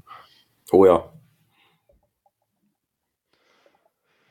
Ja, eh, men även då runt den tiden så var det ju snack om den här nya Nintendo-konsolen. Eller vi ska väl nämna kanske den bärbara också, Gameboy, som ju faktiskt släpptes i Japan redan 1989. Och där mm. är det just Gunpei Yokko som har gjort eh, en bedrift rent tekniskt. Nämligen släppt liksom en, i princip en, en NES, en 8-bitars konsol, fast bärbar. Med en liten liksom, svartvit skärm. Men du hade ingen Gameboy? Nej, det, det, det var flera eh, klasskamrater som, eh, som satt och spelade eh, diverse Mario-spel och vad hette det här, track and field var det va? Där man skulle mm. hålla på och smattra mellan A och B-knapparna för att springa så snabbt som möjligt. Just det, precis. Det, det, var väldigt populärt i korridorerna men nej, jag, jag ägde aldrig den tyvärr. Nej. Den kom ju till, den släpptes 89 i Japan och sen kom den till Europa 1990. Mm. Så det var ju också en del av liksom, Bergsalas då, marknadsföringsstrategi. Och det fanns ju också väldigt mycket Gameboy-serier i det här Nintendo-magasinet. Mm. Uh, och lite sådär. Så det var ganska stort. Men sen var det just där snackisen om den nya superkonsolen minns jag att de skrev om. Där då, som var alltså Super Nintendo eller Super Famicom. Mm. Den berömda 16-bitars generationen. Den berömda 16-bitars konsolen, ja precis. Mm. Um, Otroligt imponerande naturligtvis. Det är också så här, mitt minne av Super Nintendo är precis som av Nintendo. Att eh, den dyker upp i leksaksbutiker först, i liksom spelkiosker. Eh, den kom inte till Sverige först 1992, så det här är några, något år senare. Men, men lanserades 1990 i Japan. Men eh, jag kommer, det, mitt tydligaste minne av den är just där hur de demar eh, Zelda A Link to the Past i, mm. i spelbutiken. Och, bara så här, och man ser hur, alltså grafiken är helt fantastisk. Och liksom det finns här dimma, effekter av dimma och, och träd och liksom allt är bara så himla snyggt. Det ser ut som en tecknad film, minns jag att jag tänkte. tänkte. Eh, och det här är väl också en av de liksom ganska få gångerna Nintendo liksom har legat i framkant tekniskt sett. Skulle jag väl ändå mm. säga. Eh, även om ja. det är ju Sega Genesis eh, som var närmaste konkurrenten. Och den hade väl kommit ut tidigare. Det var, också, det var ju Segas 16-bitars konsol. Mm. Och de körde med sin om blast processing. Som det så häftigt hette. ja, precis. och den, ja. där, var ju, där var ju tekniskt sett, processen var ju snabbare i, uh, i Master System. Okay. Eller Mega Drive menar jag. Ja. Uh, men, uh, men Nintendo, det, helheten var ju mer imponerande. Mm. Framförallt ljudchippet skulle jag säga. och det var väl den, den av Sony Playstation berömda Ken Kutaragi som Eh, var ingenjören som tog fram ljud, okay. just ljudchippet till okay. Super. Om jag inte minns fel. Eh, men, det, men det är också som eh, A Link to the Past och eh, Final Fantasy 6 och många av de andra eh, Final, eller Super Nintendo-spelen som hade helt makalöst bra ljud. Det är just ja. för det där ljudchippet de hade som, som verkligen gjorde hela skillnaden. För det här är ju också då, nu är vi mitt uppe i liksom det stora konsolkriget mellan Nintendo och Sega framförallt. Mm. Eh, medans då på hemdatorsidan så pågår ju det stora hemdatorkriget mellan Atari och Amiga samtidigt. Eh, så att det rasade liksom de här, liksom väldigt viktigt med tillhörighet någonstans i den här kulturen. Ja men det var ju lite läge, antingen var man ja. Nintendo-kille eller var man Sega-kille. Ja, verkligen, jag tror framförallt att Sega körde det i sin marknadsföring. Det var väldigt mycket så här, de, de spelade på attityd mycket mera. Liksom, mm. att, att vi är Sega, vi är coola, vi har, liksom, vi har coola spel. Och Sonic är coolare än Mario. Och att Nintendo Sega does what Nintendo don't. Sega does what Nintendo don't, exakt. eh, och, och liksom, jag, jag, vet inte om det låg någon sanning i det, men, men det fanns väl någon sorts idé om, om Nintendo. Att det var liksom så ganska snällt och familjevänligt företag och att det var ganska snälla mm. spel och inte sådär brutalt. Att, jag vet inte om, om Mortal Kombat var liksom censurerat lite grann i Nintendo-versionen. Visst var det något sånt? Jag har för mig det att det var om det var grönt blod eller vad det ja, var. Det var det, det, någon form av censur. Ja, och man kunde inte liksom stoppa ner handen i halsen och dra ut ryggraden riktigt lika långt som i Nintendo-versionen. Någonting sånt va? Så det fanns väl en viss sanning i det, men liksom ja. Sen, annars, jag, för jag personligen var ju Nintendo-kille, absolut. Men jag tyckte också att det var spännande med Sega-konsoler hade väl gärna haft en sån med. För det hade också min kusin. Han hade ju Gameboy och Sega Mega Drive. Jag ägde faktiskt aldrig en konsol förrän jag köpte en Dreamcast flera år efter de hade lagt ner den. Eh, bara för att det var en kompis på universitetet som hade en gammal Dreamcast och en hög med spel. Så tänkte jag ah, jag ska banne mig äga en, en Sega-konsol nu när de, när de har packat ihop konsolverksamheten. Dreamcast är ju du. Vad var den sista konsolen de gjorde? Mm. Ja, sen var det kört liksom för Sega. Ja. De släppte en bra konsol när Playstation 2 fanns på marknaden och det, ja, det var ganska kört. Det var det ja, det var där den kom. Ja, precis. Ja. Men på den här tiden, jag vet inte om det fanns några andra egentligen stora spelare på konsolmarknaden. Det var väl framförallt Nintendo och Sega. Det fanns väl några varianter av liksom andra Neo Geo eller sådär fanns det väl kanske. Men... Jo, eh, och det, på den japanska marknaden fanns det ju flera konkurrenter. Och den brittiska marknaden hade väl några som också slogs om det men det var ju ingen som, ingen som kunde hävda sig mot Nintendo och eh, Sega i, inte i Europa och jag tror inte i USA heller direkt. Nej. Nej. För sen vet jag att det var en del andra försök, alltså bärbart till exempel försökte ju Atari lansera liksom Atari Lynx. Det var mm. väl också runt den här tiden. Eh, ganska dålig konsol. Atari Jaguar, när kom den? 93. Så ja, men det var väl året efter då. Det var också något sorts försök. Men det slog ju aldrig liksom. Det var ju för Nej. Atari var ju det också dödsstöten. Att de misslyckades med att lansera Atari Jaguar. Misslyckades med datorn Falcon. Och sen så var ju de körda. Och Amiga tror jag, de släppte väl den här CD32 eller någonting som också var deras konsol. Som mm. typ var en Amiga 1200 fast i konsolversion. jag vet inte hur det bra gick med den. Nej, det gick inget vidare. Nej. Så det fanns en del försök i alla fall att slå sig in på den här marknaden, men det lyckades ju inte. Även Apple gjorde ju också en spelkonsol. Ja, just det, Pippin. Ja, Pippin, som inte heller gick så bra. Det var då ungefär i den här tiden också. Gud. Ja. Mm. Nej, men så Nintendo är väl de som klarade sig bäst i alla fall och de rider i alla fall ut det här kriget. Och eh, Super Nintendo är i alla fall, jag vet faktiskt inte alls hur många exemplar Super Nintendo sålde, men jag skulle vilja säga ganska mycket. Mm. Ja, det var ju, marknaden var ju mycket mindre på den tiden så man får ju sätta siffrorna i, eh, i perspektiv till ja. hur stor den var. För mm. senare konsoler sålde ju i många fler exemplar än den. Men då var det också i en mycket större spelmarknad. Mm. Så det, Nintendo 64 kan ju hävda sig mot Super Nintendo. Men den sålde ju inte jättebra om man ser till konkurrensen och hur stor spelmarknaden var då. Mm. Sen kom ju en av deras första stora floppar. Nämligen Virtual Boy. Mm. Kom 95. Uh, ja, vad var det egentligen, Lövet? Var det någon sorts VR-konsol eller var det bara fusk-VR? Ja, det var egentligen fusk-VR. Det är ju så perspektivförvrängning och eh, så röda och svarta färger. Jätte, jättejobbigt för ögonen. Ja, det ser ju uh, helt sjuk ut om man kollar på en bild. Ja. Men, men liksom tanken är att man ska titta i den eller är det någon sorts headset man ska ha på sig? Eller hur, hur funkar den? Jag vet inte. Jag fattar inte. Ja, nej, man ska ju titta i den och sen eh, så laddar man den med spel. Eh, okay. Ganska enkla spel. Eh, och så, så det där ganska obekväma och eh, onaturliga kontrolldonet, styrdonet till, eh, till den där också. Och jag, jag på den tiden vi jobbade på Geeks så fick vi faktiskt in en uh, Virtual Boy mm. uh, som såna, någon retro retrospelssamling som uh, uh, jag tror det var Webbhallen som deras gamla lager som vi Jaha, fick okay. plocka det, över. Det, ja, precis. Och då fick jag testa en sån och det, det var ju inte behagligt. Det var inte jättebra? Men, nej. nej, det var inte jättebra. Men det, det var första gången jag uh, testat en sån. Uh, för det var ingen, ingen jag kände i uh, den lilla hålan jag bodde i hade knappt hört talas om Virtual Boy, än mindre ägd den. Mm. Ja, nej, den, den kom ju heller aldrig till Europa utan den lanserades ju bara i Japan och USA där 95. Mm. Men det lades väl snabbt ner. Eh, Sen kom ju någon ny lite lättare variant av Gameboy 96, Gameboy Pocket.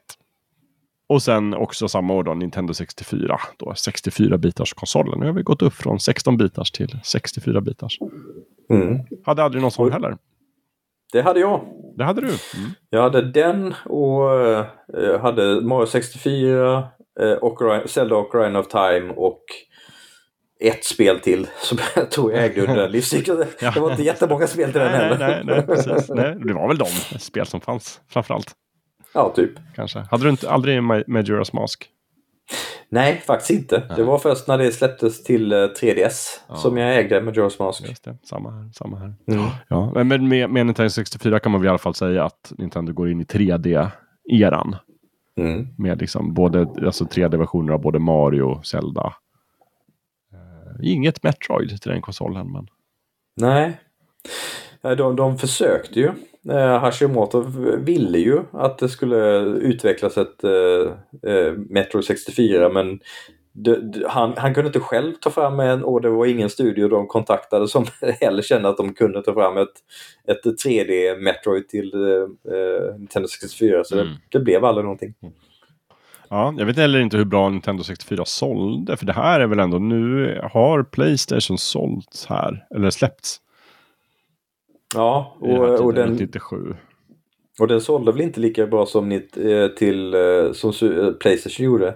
Nej. Och, och det, det här tekniska beslut Nintendo fattade med den var väl det så början på slutet för deras tekniska eh, spjutspets får man ändå säga. De mm. valde ju att satsa på kassetter när eh, resten av branschen började gå över till eh, CD-skivor mm. eller optiska skivor. Och, eh, den här eh, eh SGI eh, grafikkretsen eller systemkretsen de valde för den, den, den, var, den var bra på att rita upp stora 3D-objekt. Eh, ja. Men eh, de, de, de smetade ut texturer över stora ytor så det såg ganska detaljfattigt ut.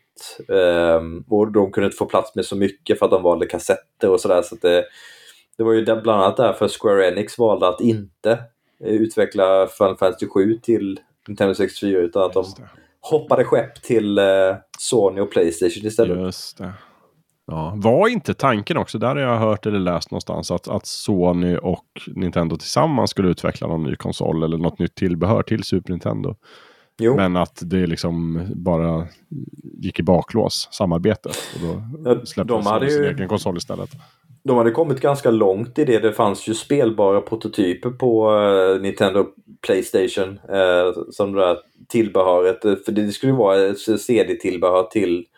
Eller det skulle vara en, en Super Nintendo i en en, en Playstation CD-läsare mm som, mhm. eh, som skulle kunna köpa både, köra både Super Nintendo och eh, uppgraderade spel. Men sen legenden säger ju att eh, Nintendo så här, bara några månader innan eh, de, skulle, så, de och Sony skulle gå ut med mm. och presentera den här Playstation-prototypen så valde Nintendo att utveckla ett tillbehör med, med Philips istället. Jaha, nej. Och Sony blev väldigt sura. och då, tänkte man, då, då ska vi banne mig släppa en egen konsol. Oj. Och så gick det som det gick. Ja, men det var ju Chi fick dem, för det var ju Sony Playstation blev väl, och är väl än idag deras största konkurrent. Får man säga. På konsolmarknaden i alla fall. Ja.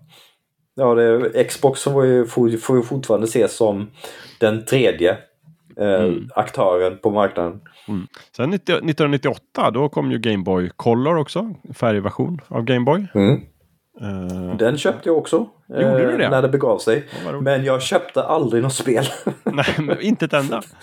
Ja, jag beställde den från eh, någon postorderkatalog. Och sen hade jag aldrig riktigt pengar till att köpa ett spel. Så jag, jag, jag lånade ett spel av någon kompis. Ja. Som jag spelade på min Game of Color. Men jag ägde aldrig ett eget spel. Herregud. Ja. Vilken tragisk spel. Så lustigt kunde det vara. Ja, så lustigt kunde det vara. Precis. Ja. Uh, ja, märkligt i alla fall. Men nu är vi framme i slutet av, av 90-talet egentligen. Uh, och vi går in i 2000-talet. Vi går in i 2001. För då släpps ju den här liksom 16 bitars, eller egentligen 32 bitars versionen av Game Boy, nämligen Game Boy Advance. Som jag köpte mm. på dag ett. Mm. På lansering. Det var min första, första nya Nintendo-konsol. Ja, just det. Väldigt och den, cool. Den, den släpptes väl... När var det den släpptes? 2001? 2001, ja, just det. Mm. 22 juni 2001 var det. Ja, för, för den släpptes ju i, i samband med GameCube och de, man kunde koppla ihop dem ju. Ja, just det. Precis. De släppte också. Just det, de kom samtidigt ja. Mm. Det är ju för det fanns ju, det fanns ju vissa spel på, på GameCube där man kunde koppla in Game Boy Advance och dels styra spelen och så kunde man se visst innehåll på Game Boy Advance. Det, det var inte smidigt men det var rätt häftigt för sin tid. Absolut. Eh, jag vet att det fanns något Zelda-spel till exempel. Alltså Four Sword. Zelda mm, Four Swords. Där man kunde köra, egentligen det var ju lite sådär överambitiöst kanske. Man skulle, man skulle egentligen behöva fyra stycken. Man skulle behöva fyra stycken personer som alla hade en Game Boy Advance. Och så kopplar man in det med, med en särskild länkkabel till mm. GameCube och så spelar man liksom med hjälp av dem. Då. Eh, kul idé. Problemet är väl liksom dels att man kanske, inte i Sverige i alla fall, hade man inte fyra kompisar som hade kompisar som hade en Game Boy Advance. Och ännu mindre att alla kunde köpa en sån länkkabel. Eh, också ett praktiskt problem är att skärmen på Game Boy Advance, den första versionen, var ju så otroligt dålig. Den var ju inte upplyst. Så man såg ju liksom ingenting på den. Ja, så jag vet att långt senare så, så spelade jag och en kompis det här eh, Four Swords med liksom varsin Game Boy Advance kopplat till min GameCube. Och det var jätteroligt, men det var svårt att se. För så fort man går ner i en grotta eller någon sån där, då ska ju liksom handlingen flyttas ju då till den lilla skärmen på Game Boy Advance. Mm. Men då ser man ju liksom inte vad det är. det är väldigt svårt. jag, jag plockade faktiskt upp min äh, gamla Game Boy Advance som jag fortfarande har kvar. Mm. Eh, original Game Advance, de släppte ju uppgraderade modeller som var lite bättre sen. Ja men, men precis, verkligen. Eh, och den, den hade Game Boy Advance-version av Doom på sig.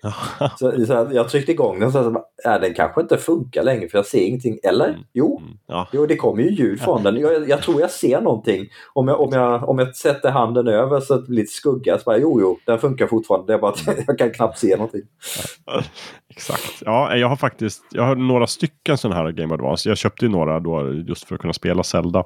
Eh, men sen har jag faktiskt en av dem har jag faktiskt plockat isär och moddat. Jag köpte en, en bättre skärm, en bakupplyst skärm. Mm -hmm. Och sådär, moddat. Så nu har jag faktiskt en riktigt fin Game Boy Advance som man kan spela väldigt bra med. Liksom, upplyst skärm och fantastiskt. Jag måste säga att det är en av mina favorit uh, Nintendo-konsoler, Game Boy Advance. Bara mm. baserat på liksom vilka minnen jag har av den. Och ganska mycket av de minnena är ju The Legend of Zelda, The Minish Cap. Mm. Ja, fantastiskt bra spel. Ja. Och naturligtvis eh, alla fucking Metroid-spel. Alltså Metroid Fusion och Metroid Zero Mission. Två av de kanske bästa. Ja, jag skulle säga att det, det är ju en, en, den bästa versionen av eh, originalspelet. Och eh, Fusion är ju det är en annorlunda Metroid-upplevelse men den är väldigt bra eh, trots att den är kanske egentligen inte är den typen av spelupplevelse jag uppskattar där med den här stressen nej, som, nej, nej. som finns när man är jagad. Men det, det är någonting, det, det blev väldigt bra i slutändan ändå. Precis. Ja. Ja. Uh, Fusion, Metroid Fusion släpptes väl samma dag också som Metroid Prime och det var väl också så där det gick att koppla ihop då Game Boy Advance och GameCube på något sätt. Mm. Så att man kunde få, om det var, man fick Fusion-dräkten i Metroid Prime. Och man kunde spela Metroid, gamla Metroid, vanliga Metroid. Första ja, Metroid till det låter upp där. Någonting sånt där, mm. ja, precis. Ja. Återigen, kul idé liksom, men det är liksom också lite överambitiöst kanske att släppa två konsoler så nära inpå. Men, men båda de sålde väl, nej i och för sig, GameCube sålde väl inte särskilt bra. Nej, alltså det, det, det, var väl en besvikelse i att den, den klarade sig inte lika bra som Sonys och eh, Microsofts eh, konsoler. Eh, då, den sålde väl ganska bra men inte, ja. inte så, så, bra som man hade hoppats på. Ja, just det, men då är vi egentligen framme 2001 och nu finns det egentligen tre stora spelare på hemmakonsolmarknaden. Dels är det Playstation 2, Sonys konsol. Sen är det mm. Nintendo GameCube. Men sen också då Microsoft har gett sig in i leken med Xbox. Så att om man ska köpa en spelkonsol då, måste man välja vilken av de här tre vill du satsa på. Mm. Vilket gäng vill du tillhöra i skolan? Och där är ju Microsoft introducerade ju multiplayer-spelande med Halo över, över internet och över mm. mellankonsoler och sådär. Och mm. Sony försökte ju också sig på det och de hade ju sina franchises. Men Nintendo, nej, mm, de höll sig kvar vid sina sina ja. gamla in, ingådda fotspår. Och Sony körde väl också Playstation 2 vet jag, den marknadsfördes ganska mycket just att det också var en DVD-spelare. Mm, liksom, mm. Och man behövde inte köpa en DVD-spelare utan man kunde ha den och kolla på film på och sådär. Mm, eh. och du kunde installera Mediacenter mjukvara på ja, Xboxen och ja. ja. Så de var väl lite Medan GameCube körde en minidisk. Ja, en mini-DVD. Just det, så gulliga var de, de, de spelen. Ja. ja, men, alltså, jag var ju absolut, jag, jag, köpte ju en GameCube precis när jag flyttade till Stockholm då, 2003 var det. Så lite senare köpte jag inte den vid lanseringen. Eh, mm. Hade inte råd liksom. Jag köpte en då och så vet jag att jag körde liksom Metroid Prime och Zelda Wind Waker och Star Fox Adventures och alla de här. Liksom, det fanns ju mycket mycket bra spel och även ganska biffiga tredjepartsspel. Jag vet att Star Wars Rogue One var väl liksom en storsäljare på, på GameCube. Rogue Squadron. Rogue Squadron, precis. Ja, och det, det var ju visuellt otroligt imponerande för sin tid. Ja, ja men verkligen. Och sen fanns det ju JRPG som Tales of Symphonia som var väldigt bra. Det vet jag inget om, men jag tror Nej. det på ditt ord. Och eh, lite, lite senare, det var väl 2004, eh, så släppte Capcom Resident Evil 4, vilket också var maffigt och oerhört imponerande mm. när det släpptes. Mm. Ja, ja, verkligen. Jag vet att alltså, Nintendo 64 när de släpptes, då var det väl liksom, men okej, det var coolt, det var 3D, men just så här, jämfört med som du sa, en, en Playstation så var liksom kanske texturerna inte lika coola och sådär. Det var tydligt att det var två helt olika liksom, fokusområden. Jag mm. tror att liksom, GameCube var en riktig konsol. Det kändes verkligen så här att den var grafiskt sett var den verkligen jämförbar med liksom både ett Playstation 2 egentligen och kanske mm. Xbox. Det var liksom, de var i samma liga och det var väl egentligen enda gången de verkligen var det med båda de här konkurrenterna. Ja, och, men, men det, det, det, är lite som att GameCube kom lite för sent. Eh, att de, mm. de kunde inte riktigt fly det här familje, familjevänliga inriktningen som, som många hade förutfattade mening om att Nintendo det är bara barnspel. Mm. Sony och Microsoft det är där de tuffa spelen finns. Ja, Nej, det är sant. Det är mycket marknadsföring känner jag, men, eh, men mm. lite sanning finns det väl också i det som sagt. Men, eh, men jag menar, Nintendo var väl också så här, jag tror att ändå intäktsmässigt så de har ju alltid levt ganska mycket på sina egna spel på sina egna konsoler. Mm. Så att eh, de, jag tror ändå de gjorde liksom profit på, eller vinst på, på GameCube. Ja, det gjorde de. Och det, den, var, den var inte så särskilt dyr att producera så de, de tjänar nog ganska bra per konsol. Mm. Och de försökte ju verkligen bredda spelutbudet där med det här avtalet med Capcom. Det var ju precis. totalt fem spel som, som Capcom skulle släppa som, som inte var så barnspel utan lite mörkare, lite mognare, lite blodigare mm. äh, actiontitlar. De släppte Eternal Darkness, det här um, Silicon Knights-spelet. Mm. Uh, där liksom, så här, psykisk, psykisk påverkan och psyk, psykologiska effekter spelar in. Och, mm. så det, det släpptes ju en del sådana titlar men det, det, det, känns som att det var lite för sent för att den allmänna uppfattningen om Nintendo-konsolerna hade, hade redan skiftat för mycket. Ja, ja. Tror jag. Ja, precis. 2004 sa du, samma år då släpper de också en, en, inte en ersättare till Game Boy Advance, men en helt ny bärbar konsol. Sa de i alla fall, nämligen Nintendo DS.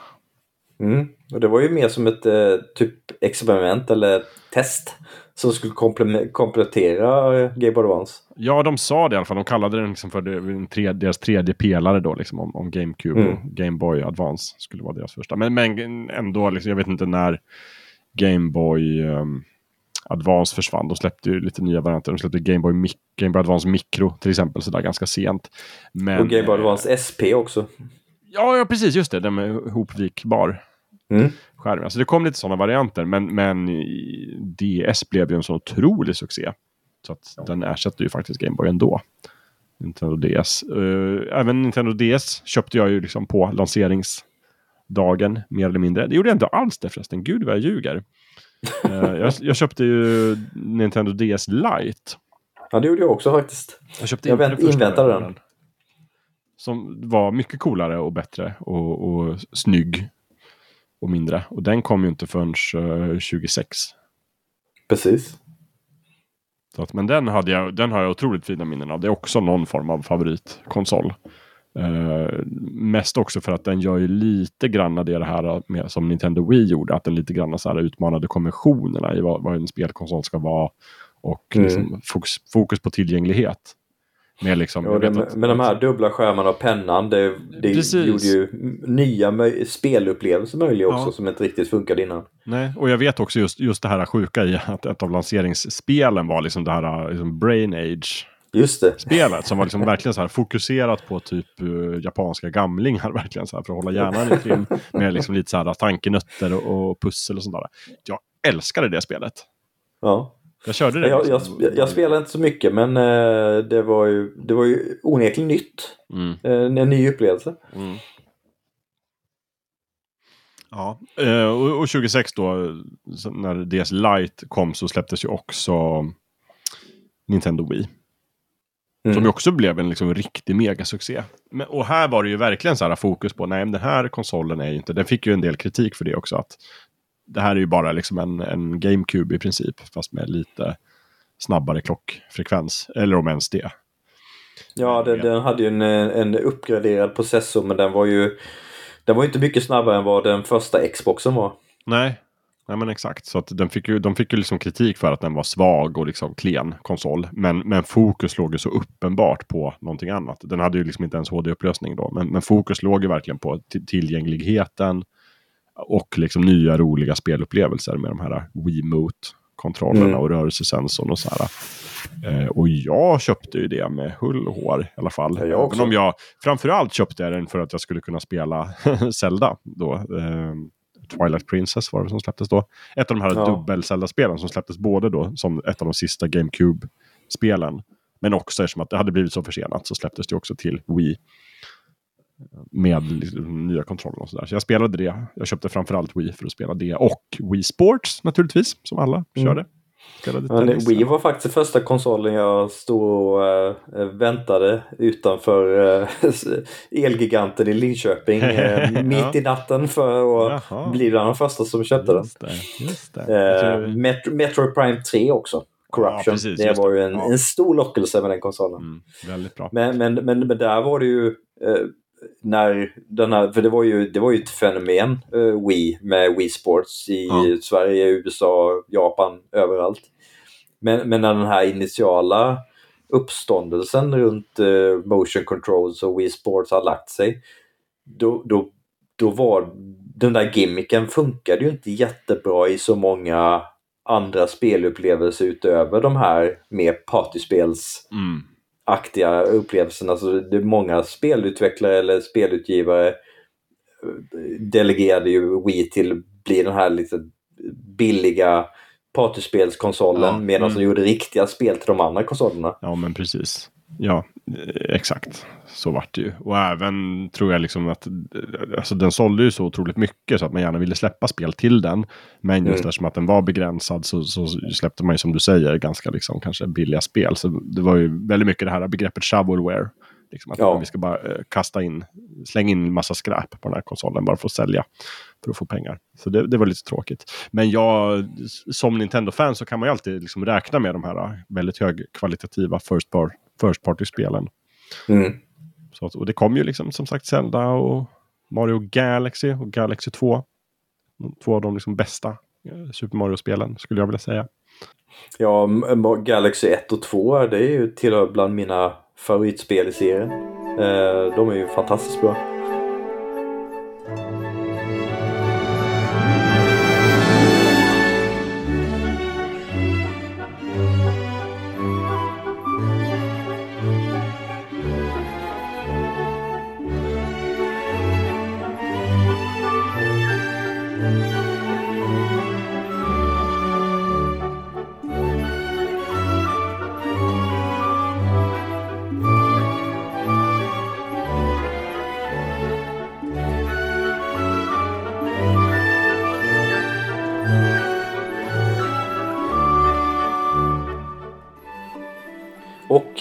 Det, det, släpptes också ett väldigt bra JRPG till, eh, till Wii som... Gjorde det det? Som, ja, det gjorde faktiskt det. konsol där det inte släpptes ett bra JRPG. nej, nej det, det finns det till alla. Eller ja, nej. Nintendo 64 hade inget bra JRPG. Ja, eh, inte det? Okay. Nej, ja. nej, inte som jag har spelat i alla fall. Men uh, The Last Story uh, släpptes ganska sent i uh, Wiens livscykel. Mm. Men det är, också, det är ett jätte jättebra JRPG. Fantastiskt bra story, underbar musik. Eh, ganska bra gameplay, men det är inte gameplay som är den stora behållningen där. Men, men i och med att den, eh, den, den konsolen i princip var delegerad till eh, partyspelskonsol så eh, är det inte jättemånga som har, som har upplevt det. Vilket är väldigt synd för och, eh, och jag tror inte att det, det blev tillräckligt stort för att det ska komma en eh, switch-portning. Vilket är väldigt synd för det är, det är fantastiskt bra. Ja. Det är ju Hironobu Sakaguchi eh, som eh, Final Fantasy-pappan som, som utvecklar det med sin Mist Walker Studios. Eh, okay. Men eh, nej, det har inte blivit något mer av, av det spelet, tyvärr. 2008 uppdaterad version av Nintendo DS, så kallas DSi. Mm. Det köpte jag, köpte jag aldrig. Eh, inte jag heller. Nej. 2009 en eh, uppdaterad version av DSi som heter DSi XL. En större version, lite så här oväntat. Att, alltså specifikt riktad mot liksom äldre personer. Någon sorts mm. så här, ja, okej, vi fattar att vuxna människor också spelar spel. Uh, jag tyckte det var lite larvigt då när det kom, som att jag var 29. Men nu så är ju det, nu har jag faktiskt en, en grön Nintendo DSi XL och tycker att om man ska spela DS-spel så är det det bästa att spela på. Mm. 2011 då, helt ny version av bärbar konsol. Nintendo 3DS. Också så här en av deras stora succéer egentligen. Mm. Inte initialt, för den, den var ju den var för dyr när den släpptes. Mm. Mm, precis, just det. Ja, det var hela det här Ambassador-programmet va? Exakt. De, de tvingades och Iwa, Iwata var tvungen att Ja, de var tvungna att sänka priset och Iwata sänkte sin lön för att, till någon, någon, dollar för att han det, var så besviken över att de hade misslyckats så med den lanseringen. Det, för de fick sänka priset bara efter typ två månader eller något sånt där va? Och så som ja, ursäkt precis. då till alla som hade köpt dyrt vid lanseringen. De fick då de här Ambassador-spelen, vilket var, är det Super Nintendo-spel? Som släpptes. Ja, jag får med det. Eh, Super Nintendo-spel som inte blir tillgängliga för andra sen. Ja, just det. Som bara var för dem. Så det är ju fin mm. plåster på såren i alla fall. Jag hade inte en 3DS heller. Däremot så tittade jag på den och hade kompisar som hade den. Och liksom, för då var jag ändå, alltså, när, nu är vi framme vid 2011, då, då hade jag ändå folk som en del bekanta som jobbade i spelbranschen och liksom sådär hade koll. Så att mm. eh, jag fick testa Nintendo 3DS. Blev inte så här superimponerad i början. Men också för att det inte fanns så himla mycket spel. Däremot så Nej, slog jag ju absolut till sen när de släppte en 3DS XL 2012. Den större versionen. Ja, det var samma för mig. Jag var faktiskt på lanseringspartyt för 3DS eh, åt eh, FZs vägnar Jaha. i Stockholm. Mm. Eh, så jag fick ju testa de, de tidiga spelen där. Men jag köpte inte heller den förrän XL-varianten släpptes. Det, det, lite granna gimmicken här var ju liksom att du, du kunde se, alltså det var 3D-effekt på skärmen då, fast man inte behövde några glasögon utan bara genom att de har det. Ja, och 3D va? Ja, stereoscopic 3D. Att man liksom... Ja. ja det är två lager, två skärmar egentligen, ligger ovanpå varandra som mm. vrids. Så, något sätt. Eh, första versionen hade ju ganska dålig 3D och det var ganska smalt. Man måste titta liksom verkligen i rätt vinkel för att få 3D-effekten. Mm. Eh, det gillade jag ju mycket mera då med, eh, med den nya, nya 3DSen. Nu 3DS, mm. som släpptes eller vänta nu, så här, nu måste jag hålla isär. De släppte 3DS 2011. 3DS XL, mm. större version bara 2012. Den köpte jag. Mm. Och sen släppte de den här sjuka Nintendo 2DS 2013. som är liksom en 3DS fast billigare och utan 3D. och sen släppte de ju liksom The New 3DS eh, 2014 tillsammans med New mm. 3DS XL. Och den hade ju sån här ögonspårning så att de bättre kunde anpassa 3D efter vad du tittade. New 3DS hade det, ja precis. Den köpte jag inte ja. då, utan den köpte jag först lite senare, vet jag. New 3DS XL då, som sagt. Men den har jag kvar än idag, den orange. Mycket fin.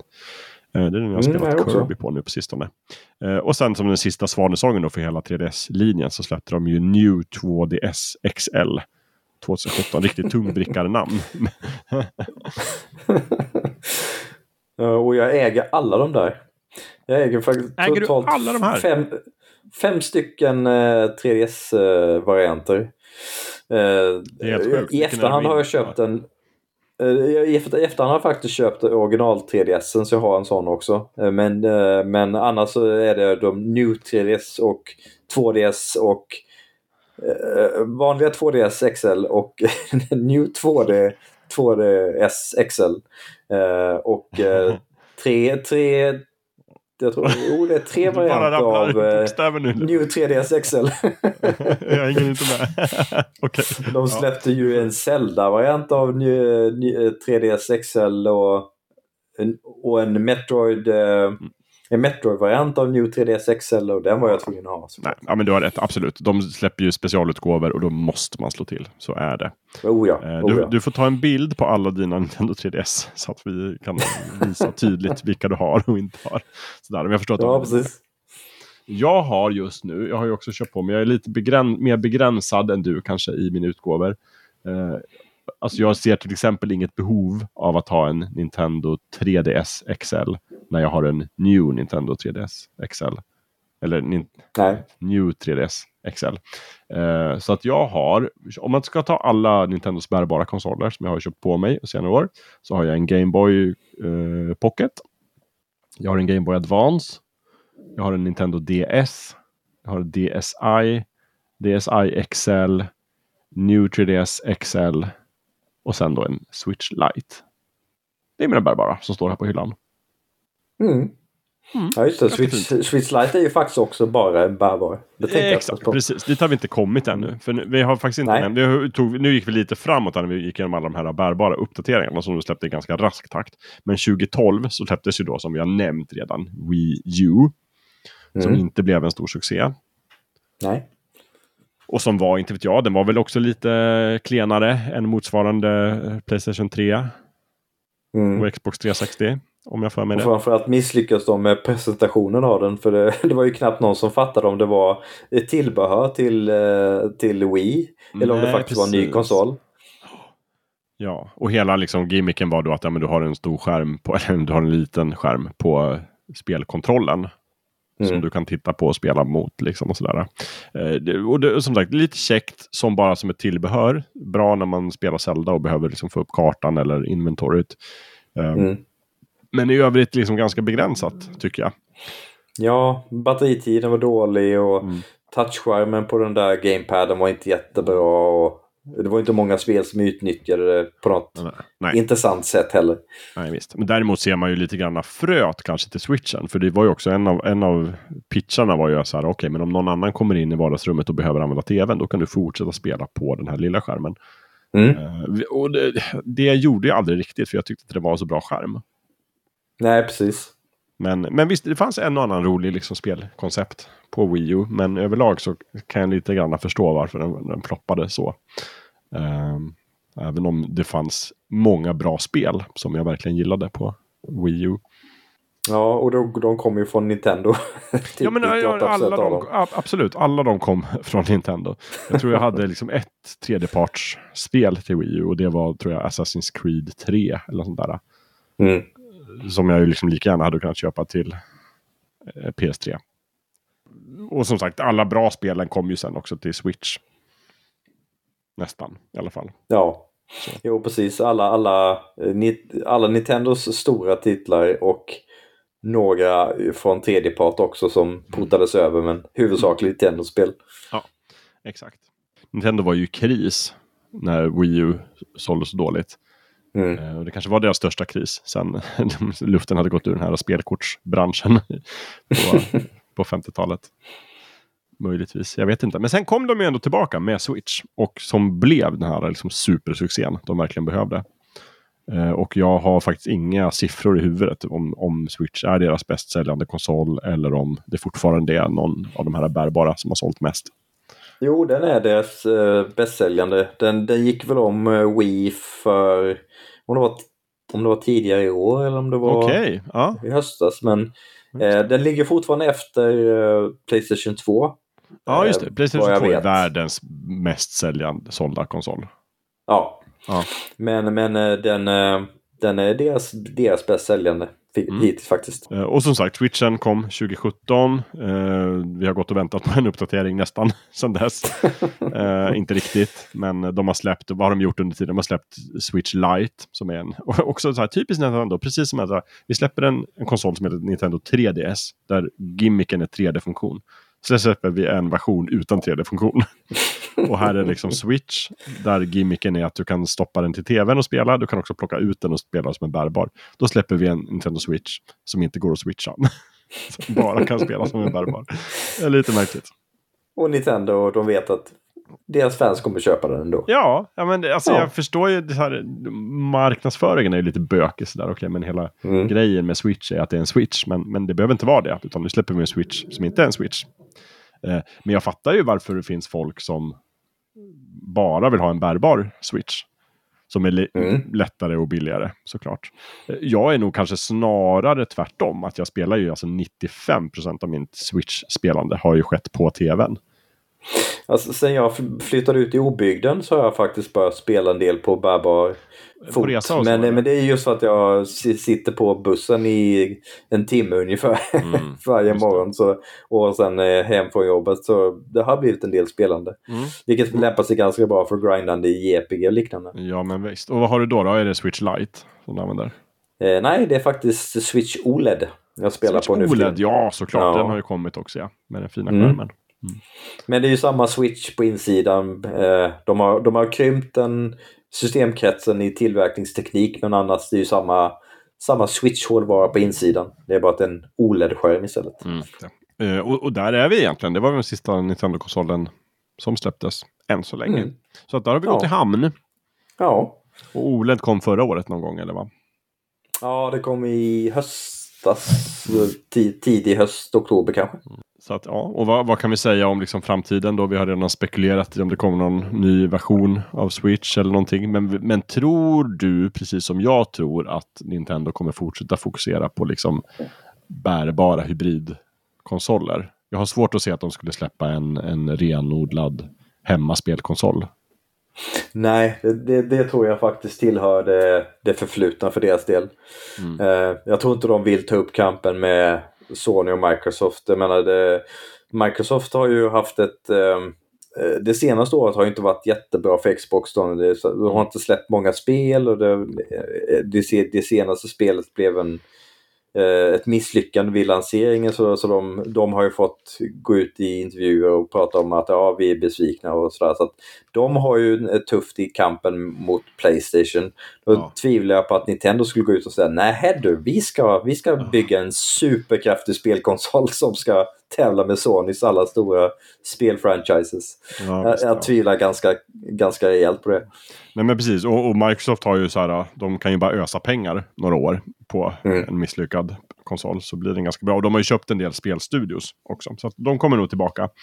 Men eh, jag vet inte om Nintendo riktigt har de musklerna, eller egentligen ens den viljan att gå in i liksom så här, men vi ska verkligen så här, nu ska vi tävla om att vara den konsolen du ska koppla till din bästa HDMI-port till tvn. Det, det känns mm. som att de trivs ganska bra med att vara den här Därför att de flesta människorna köper kanske antingen en Xbox eller en Playstation. Mm. Och sen kanske de ofta köper då en Switch som den andra konsolen. Som de har för att spela bärbart eller som de har för att få Nintendo-spelen. Men det är väldigt sällan man köper liksom både Xbox och Playstation. Mm.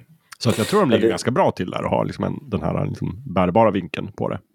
Det tror jag också det jag kan tänka mig är, för det, det, har ju under åren som det har ryktats om eh, vad nästa Switch ska bli så har det eh, varit rykten om att ja, men de, de kanske släpper en som där, där det sitter kraftfullare hårdvara i dockan så när man ja, kopplar in den till tvn så får du mm. tillgång till ännu mer beräkningskraft.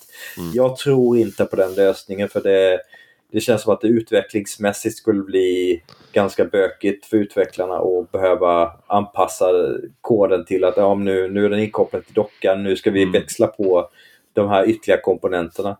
Däremot kan jag tänka mig att de, slä, de släpper en, en, en docka som kanske innehåller lite bättre kylning. Mm. Så när du väl kopplar in en switch 2 eller vad det nu kallas eh, så, så kan de vrida upp klockfrekvensen lite på saker och ting. Så att den kan gå lite varvare i dockan men att själva hårdvaran sitter helt och hållet i, uh, i själva switchen så att säga. Mm. Det, det, det, känns ju som den mest, den mest rimliga lösningen för Nintendos del. Jag håller med. Och det är ju även så vet jag, liksom, ut, utvecklare har ju gnällt på det på Microsoft som släppte liksom en, en enklare version av, av Xbox nya Xbox mm. nu som klenare så att det blir bökigt att utveckla spel. Som dels ska vara så här top of the line grafiskt men också så här, det ska också funka på en lite klenare konsol. Det är bökigt mm. att liksom göra flera olika versioner så till en. Så jag, jag, tror inte heller riktigt på den idén. Nej, alltså utvecklare som vill ha raytracing i sina spel, ja okej, men då måste vi vi måste utveckla för Series S också mm. Mm. som har betydligt färre raytracing-kärnor och det, ja, då, då måste vi ta fram kod som som kan skala mellan de två eh, skurna. Så att, mm. jag, jag, tror inte Nintendo skulle gå, gå ner den vägen faktiskt. Nej, jag tror inte heller det. Däremot är det ju väldigt intressant det du sa tidigare just om så här molnspelande. Om det skulle kunna få liksom fart. Att man streamar ja. spel liksom mer mot målet. För det funkar ju ändå hyfsat tycker jag. Ibland om man har en bra uppkoppling och så vidare. och så vidare. Men, eh, men det är spännande. Ja, och om det är en, en inte alltför hetsig upplevelse för de där. Målstreamingen funkar ju generellt sett inte jättebra och sen Switchen har ju inte världens bästa nätverkshårdvara eller mjukvara. Så att, Nej, eh, och, och dessutom, jag, jag, tror absolut, jag är inte alls säker på att just Nintendo är kanske bolaget som kommer att bygga en fungerande liksom, molnstreamingtjänst. Jag tror inte de Nej. är kanske den som ska, ansvara för det. Men däremot så vore det spännande att ha liksom, kanske andra leverantörers spel på Switch. Mm. Det är inte helt otänkbart någonstans. Men, Nej. Men jag vet inte, Nintendo är bra på många saker men det verkar ju inte som att de är otroligt bra på internet. Nej, och det, där har ju ändå eh, Microsoft och Nintendo har ändå haft vissa så här, vänliga samarbeten tidigare. Mm. Det är väl inte helt otänkbart att eh, Microsoft kanske skulle tillåta lansering och streaming av vissa, vissa speltitlar på Nintendo-konsoler framöver. Jag tror inte att de kommer ge sig in i det bärbara spelfältet eh, eh, i någon överskådlig framtid direkt. Nej. Nej, precis. Men däremot, jag menar Microsoft är ju, de är ju 100% fokuserade på sin molntjänst. Och de mm. vill ju gärna ha den på liksom, både på PC och på, de vill ju ha den på iPhone, de vill ha den på Xbox naturligtvis. Men jag tror, kan inte se att de skulle ha någonting emot att också ha den på Switch, såklart. Nej, det är snarare nej, Nintendo då, som skulle se att så här, ah, men är det här bra? Å ena sidan, folk, det kanske får fler folk att köpa en Switch. Å andra sidan, då kanske folk inte köper lika många Mario-spel. Så att, ja, svår avvägning där de har ju släppt, eller det har ju släppts vissa sådana här tredjepartsspel, eh, typ som Resident Evil och mm, diverse mm. annat som är cloud streaming just för att de kan inte köras på Switch. Mm. Så det är väl inte omöjligt att vissa Microsoft-spel som, som Microsoft vill få ut till en bredare målgrupp att de skulle kunna streamas till en Switch. Mm. För det, den är ju inte en konkurrent till Xbox nej, eller nej, PC men, Game Pass. Nej. Ja, vi får se. Jag tycker det är spännande i alla fall. Jag gillar Switch väldigt mycket. Det är nog liksom objektivt sett en av de bästa Nintendo-konsoler mm. eh, som de har släppt. Om än inte min personliga favorit, men jag gillar Switchen väldigt, väldigt mycket. Och det finns ju otroligt mycket bra spel. Inte minst eh, indiespel. Ja, verkligen. Det har verkligen blivit min liksom, så här, indiespelsmaskin och Nintendo-spelsmaskin. Mm. Sen ja, har jag ju en, en och annan annan konsol som jag kan spela de här riktigt tunga, krävande spelen på.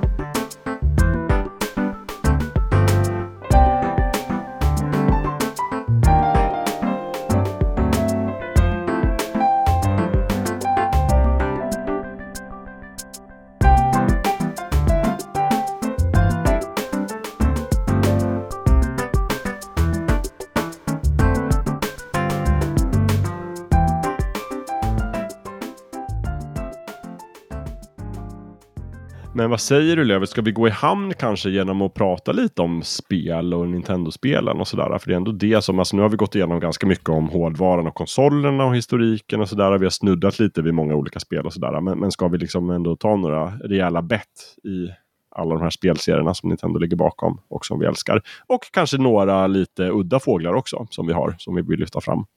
Mm, det tycker jag. De uppenbara är ju liksom egentligen ja, Mario, ganska känd. Zelda-serien, ganska känd. Metroid pratar vi mycket om, uh, du och jag. Men det finns ju fler. Såklart. Kirby har jag pratat mycket om de senaste avsnittet. Det är en mm. så sen upptäckt för mig. Att det finns en miljard Kirby-spel som många av dem är riktigt, riktigt bra. Ja, det finns, ju, det finns ju många spel som bara släpps en enda Ja. Ett enda bidrag i serien, och den, eller inte serie. Det har släppt ett enda spel och så har det inte blivit någon serie. Snarare. Då är det Ice Climber du tänker på förstår jag. Ja, jag, jag, tänker faktiskt mest på uh, Ice Hockey. Otippat ja, nog. just det. NES Ice Hockey också. Exakt, exakt. Det, det, var ju så här barnsligt roligt. Mm. Och där, där har egentligen de en missad möjlighet att släppa någon sån här eh, lättsamt, arkadigt, mm. eh, kanske nedladdningsbart e-shop-spel bara. Mm. Men, men ändå att de fortsätter på den upplevelsen. För jag är stort hockeyfan. Ja. Och, och just den, den arkadiga, lättsamma spelstilen som fanns i Ice Hockey, det, det skulle jag fortfarande vilja spela.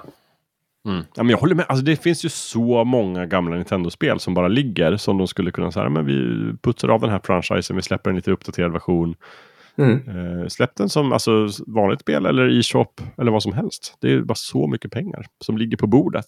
Som bara Nintendo ja. inte vill ta. Varför? Jag förstår inte.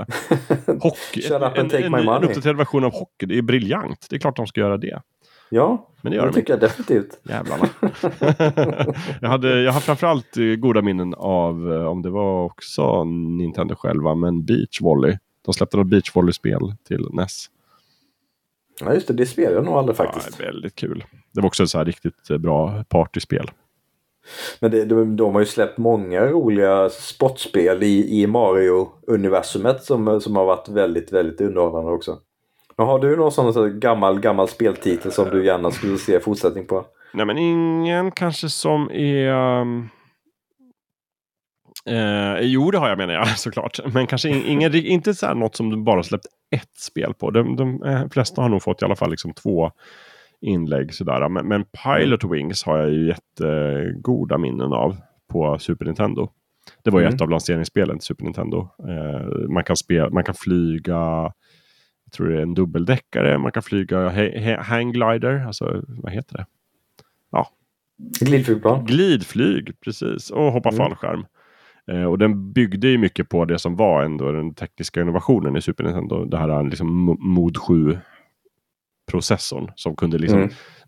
eh, ska, hur ska man beskriva det? De kunde skala pixlarna, liksom, och ge någon form av 3D-effekt. Att mm. liksom, objekt kunde växa och sådär. Och det använde de ju järnet i det här liksom, flygspelet. Som var annars ganska så här, fridfullt och trevligt. Jag tyckte mest det var kul att liksom, flyga runt i den här dubbeldäckaren. Och så där. Men jag skulle jättegärna se någon uppdatering av det. Och det finns ju det är inte heller en serie där det inte har släppts många spel för det har ju släppts väldigt många spel. Men jag skulle gärna se att eh, Konami får tummen nu och börjar producera bra castlevania spel igen. Ja, det, det, är en serie jag saknar. Mm. Och som switchen eh, eh, verkligen saknar. Absolut, jag håller med. Eh, för det har vi inte ens nämnt. Nu har vi nästan bara pratat om Nintendos egna spel. Men det finns ju en del spelserier som är liksom tätt förknippade med Nintendo och, och, och inte är liksom egentligen inte Nintendos egna och inte heller mm. någon av de studierna som Nintendo liksom äger eller liksom distribuerar. Utan men som till exempel då Castlevania. Mm. Eh, det skulle ju inte ha varit det det är idag om det inte hade varit för Nintendo. Nej, verkligen. Och även Final Fantasy då som nu har flyttat och är liksom en Playstation-franchise. Den började ju sin bana på, på Nintendo. Mm. Men det, där, Final Fantasy har ju vuxit till att bli det här liksom, tekniska eh, eh, fanbäraren för vad som är tekniskt möjligt och eh, i, i presentationsväg, i, i teknisk väg, i musikväg. Men eh, de har ju nästan återvänt till Nintendo fast med en annan serie mm. med Octopath Traveler. Just det, ja precis. Ja. det är ju också Square Enix, det är inte Final Fantasy men du, du får ju den där JRPG av gamla skolans eh, karaktär på en Nintendo-konsol. Så där, där kan jag... De, de, Square Enix kan köra Final Fantasy med sin tekniska finess på de stationära konsolerna och ge oss Octopath-upplevelser på Nintendos konsoler. Mm. Det, det upplägget passar ganska bra. Mm. Eh, det finns en hel del NES-spel som jag gillade som inte är Nintendo själva men som jag eh, gärna skulle se liksom en uppdaterad. Battle of Olympus till exempel skulle jag absolut se. Mm. Väldigt likt eh, Zelda. Mm. Och eh, nu, nu, det är inte heller en... Eller vissa av karaktärerna i uh, Diddy Kong Racing är ju Nintendo-karaktärer och vissa ja, inte. Ja, Men det, det, var ju ett av, ett av få storspel till, eh, till, till, Mario, eller till Nintendo 64. Mm. Som, som där, där uh, Rare faktiskt lyckas överträffa utvecklaren Rare, den brittiska utvecklaren, uh, faktiskt lyckas överträffa Nintendo i, i det, liksom det ovanliga fallet där en, en eh, extern eller det var första parts utvecklare förvisso men eh, där ett annat företag lyckas överträffa eh, Mario Kart 64 som förvisso är väldigt roligt i sig men där Diddy Kong Racing är faktiskt är den bättre helhetsupplevelsen. ja. Men nu när Rare är en del av eh, Microsoft så är det väl inte ja, så troligt. Ja, just det. Precis. Dammit. Ja, då är det kört för oss. Tråkigt. Ja. Ja, det finns, de släppte också ett eh, jättebra snowboardspel. Om det var till GameCube kanske? Som heter eh, det var väl Nintendo 64 va? Ja, det, det kanske det var. Släppte de inte en 1080 uppföljaren till GameCube har jag för mig. Det är möjligt. Det är i så fall den som jag har spelat. För jag hade ju inget 64. Jag hade ju bara vi ska kolla här. 1080 snowboarding. Jo, du har rätt såklart. Som vanligt, Lövet, så har du helt rätt. Den släpptes ju till 1964. Mm. Uh, men då måste det ha kommit. Ja, precis. Just det. 1080 degrees Avalanche kom ju just till det. GameCube. Det var det jag spelade. Uh, och det tyckte jag var roligt. Därför att det, till skillnad från då SSX-spelen, som var väldigt mycket fokus på tricks, så spelade det här mm. väldigt mycket på uh, alltså racing, egentligen, downhill. Och sådär. Mm. Det tyckte jag var roligt. Jag tyckte det, alltså det, de får gärna släppa ett nytt uh, snowboardspel, helt enkelt. Mm. Och på, på det spåret, uh, F-Zero-serien. Ja. de släppte ju F-Zero X till 1964 och F-Zero GX här för mig att det hette till, till GameCube. Så och det var väl Sega ja. som utvecklade det om jag inte minns fel? Uh, nu, ja, det vet jag inte. Det var det säkert. Jag tror det. Men det är också väldigt bra. Sen har det inte hänt någonting förutom Nej. typ så här portningar till Game Boy Advance tror jag. Eh, men eh, de har inte släppt några nya spel. De verkar inte särskilt intresserade av den franchisen. Nej. Eh, men jag tänkte på det när, när den här utvecklaren tror jag heter Shinken eller Shin, Shinen eller något sånt där. Mm. Släppte den här Fast RMX. Eh, det här F-Zero liknande spelet till, till Switch. Då, då tänkte jag, Just det, ja. Fasen, de, de borde ju släppa, Nintendo borde släppa ett nytt F-Zero. Det hade varit ja. häftigt. Nej, men du ser, de hade kunnat göra det och det är liksom så här, ja nej, så gör de inte det. Nej. Får någon annan släppa någon så här andlig uppföljare istället. Eh, Precis. Ja, men F-Zero, för om man inte då räknar F-Zero-banan i Super Mario Kart 8 Deluxe. Ja, just det. Ja. Men det är ju nej, bara en, inte, inte riktigt samma sak. Liksom, så, nej. På tal om mm. det, de har också en Excite-bike-bana. Jag skulle också gärna se ett nytt Excite-bike-spel. så trick, trickspel. Ja, men det är lite på samma spår som Ice Hockey. Att de bara släpper ett kanske så e-shop arkadigt e-shop-spel i Excitebike-serien. Ja, men verkligen. Ja, nej, dumma Nintendo. Det är mycket de bara ja. låter ligga. Uh, Kid Icarus är en sån här, det är förvisso en spelserie. De har väl fått liksom tre, fyra spel i alla fall. Men det är också mm. en sån här spel som jag har ganska stark minne av. Det är ganska stark franchise-igenkänning. De släppte ju ett till Nintendo 3DS tror jag faktiskt. Kid mm. Icarus Uprising. Som ju har konstiga kontroller men ska vara väldigt bra. Jag har själv aldrig spelat det. Jag har spelat det och jag blev inte jättekompis med kontrollerna men det, det, det, är, ett, det är ett bra spel. Men eh, det, man blev väldigt trött i handen till slut eh, ja. om man har spelat några längre sessioner. Ja. Jag tyckte mest att så här, NES, eh, Kid Icarus till NES var ju på många sätt ganska likt Metroid. Fast, fast mm. helt annan stämning naturligtvis. Eh, med lite samma grafik och motor och sådär. Och sen släppte de väl ett uppföljare till Gameboy. Och sen var det det här 3DS spelet. Men mm. jag skulle gärna se liksom ett, ett så otroligt polerat 2D action-äventyr med Kid Icarus. Det skulle de kunna få släppa. Mm. När som helst och jag skulle köpa det. De kan ju plocka in eh, 2D HD-stilen från Square Enix. Ja men eller eh, hur, verkligen. Jobba mera med det tror jag. Så här retrodoftande fast modern. Det här skulle ju aldrig gå att göra på den tiden. Men det ska ändå kännas lite som på den tiden. Så, sådana mm. spel borde de göra mera. På tal om det. Ja. Eh, den här Final Fantasy Pixel Remaster-samlingen. Just det. Eh, Final Fantasy 1-6. Eh, det är ju släppt på moderna konsoler nu. Ja. Och där har de ju faktiskt en sekvens i Final Fantasy 6. Den här berömda operascenen. Den är faktiskt byggd i den 2D HD-stilen. Mm -hmm. Så det är lite av en Final Fantasy-återvändo till Nintendos konsoler om än gamla titlar. Ja, verkligen. Blev du glad när du såg det? Blev väldigt glad. Ja, väldigt glad. Ja, ja. Det var som att komma hem. Ja, faktiskt. ja. Mer spelserier då? Jag skulle vilja slå ett slag då för Brain Age som jag hade så roligt med på Nintendo DS. Jag tycker att de, de släppte kanske något på Wii. Men jag skulle gärna ja. ta ett, eh, ett Switch-spel. Ja, släppte inte de något, något sådär, inte partyspel men eh, var, var det inte något tidigt Switch-spel eller blandade jag mm. ihop det med något Wii U-spel? Ja. Som, så det hette inte Brain Age men det var något liknande. Uh, ja, det fanns ju något som hette Brain Academy tror jag eller sånt där. Ja, det är kanske det jag tänkt på. Uh, uh, bäst att jag kollar här. Ja, just det. Okej, okay, då ska vi se. Först släppte de ju Brain Age, Train Your Brain.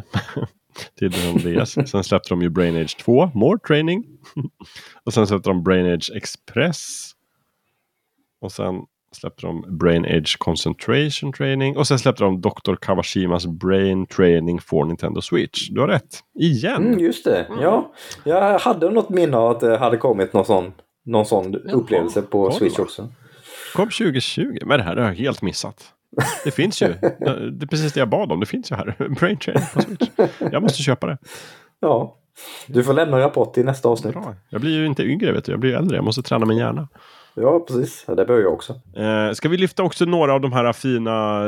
Alltså det är väl inte liksom Nintendos egna studios egentligen. Men däremot så finns det ju en del studios som de har ett väldigt nära samarbete med och någon form av liksom första king på. Om jag fattat saken rätt. Jag vet inte mm. om det är liksom, det är inte second party heller. Men, men eh, jag tänker ja, men till exempel på Retro Studios. Som, eh, som har tagit över ansvaret för Metro Prime 4. vilket, ja. vilket jag tvivlar på är en Switch-titel längre faktiskt. Jaså? Ja, det, det, det kommer komma det lär komma på en uppföljare. Ja, Ja, kanske på båda. Kanske är en klassiker. Ja kanske. Sista spelet som släpptes till Switch. Första som släpps till en ny konsol.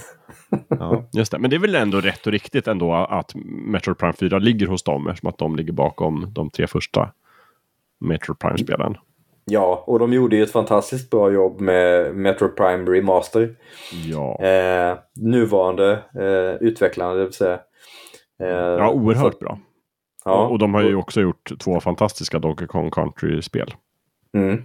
Ja, verkligen. Nej, men så de är ju såklart legender och ligger bakom många av de bästa. Men det finns också fler. Jag tänker på HAL Laboratories till exempel. Mm. Som Mm, har gjort... eh, ja, men vad, vilket spel jag pratar om hela tiden? Kirby såklart. på sistone. Eller många av Kirby-spelen i alla fall. Eh, och gamla också. De har varit med länge. De har gjort så här, liksom Balloon Fight till NES och eh, mycket spel. Mycket, mycket spel. Många spel till Gameboy, många Kirby-spel. Det är något jag tänker på här som jag inte kommer på nu. Nej, det är nog mest Kirby kanske. Eh, det är ju den där utvecklaren som gör eh, många av deras eh, typ Super Mario RPG-spel. Eh, vad heter de nu igen? Eh, Jag har tappat namnet. Next Level Games är det jag tänker på. Just det. Eh, de, har ju, de står ju bakom många bra spel också. Är det, är, vad, vad, är det de som gör Paper Mario-spelen eller är det? Eh, de har gjort eh, Marios, eh, Luigi's Mansion 3 bland annat. Ja. Och tvåan och det var, det var väl de som gjorde eh, 3DS-versionen av ettan tror jag också. Om jag inte minns fel. Ja, Ligger de bakom Mario, Super Mario Strikers till GameCube som jag är ett Just stort fan av. jättebra. Jag med. Ja. De har också gjort ditt favoritspel, Metroid Prime Federation Force. typ inte 3DS. Skojar bara, förlåt. Eh, jag köpte faktiskt det sen men jag har inte spelat igenom det. Nej, Det är nej. bara för att jag vill äga alla Metroid-spel men har inte Ja, spelat. ja, men precis. De gjorde också uh, Wii-remastern av Punch-Out. Bokstavsspelet. Där har du också spel som Just. skulle kunna få en uppföljare nu tycker jag. Ja, eh, nu när, när ARMS inte blir en franchise så ska de ju ja, återuppliva den ju.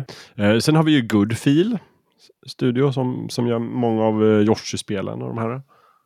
Ja, just det. Verkar fokusera på väldigt gulliga spel. Och de har väl också gjort... eh, ja, men de har gjort en del Kirby-spel de också. Men alla de här Yoshis Woolly World, där allt är garn. Och Yoshis Crafted World, där allt är papper. Och ja, hela sånt. Och Wario Land Shake It till Wii.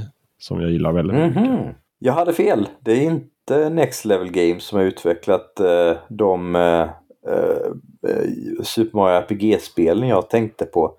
Nej, okej. Eh, nej, de, de heter så mycket som Intelligent Systems. Eller de har utvecklat flera av spelen, i alla fall inte alla. Men eh, Intelligent Systems och de, de är väl inte heller First Party tror jag. Men de har utvecklat flera spel Mm. åt Nintendo. Så att jag, jag ser dem nästan som en, en Nintendo-utvecklare men de är väl inte det på pappret egentligen. Nej, precis. Nej, men det är väl många av de här, alltså många av de här studierna har väl gjort liksom, de har väl gjort spel till andra konsoler också, men, men de har Mm. jobbat väldigt tätt med Nintendo och med Nintendos egna franchises någonstans. Mm. Så att alltså, Nintendo har ju naturligtvis sina egna utvecklingsavdelningar, men när de inte hinner eller vill så då kan de liksom leja ut jobbet till de här. Typ så här, ja men okej, Retro Studios, ni får göra 3D Metroid. Om ni Mm. vill, gör det bra. Ja, ni gjorde det bra. Bra, då får ni göra ett till. Och lite sådär. Uh, Alpha Dream fanns det något som hette också. De har ju tyvärr lagt ner nu. Men det var de som gjorde de här Mario och Luigi rollspelen. Superstar Ja, Saga det. och de. Mm. Mm. Eh, väldigt många sådana. Framförallt gillar jag också.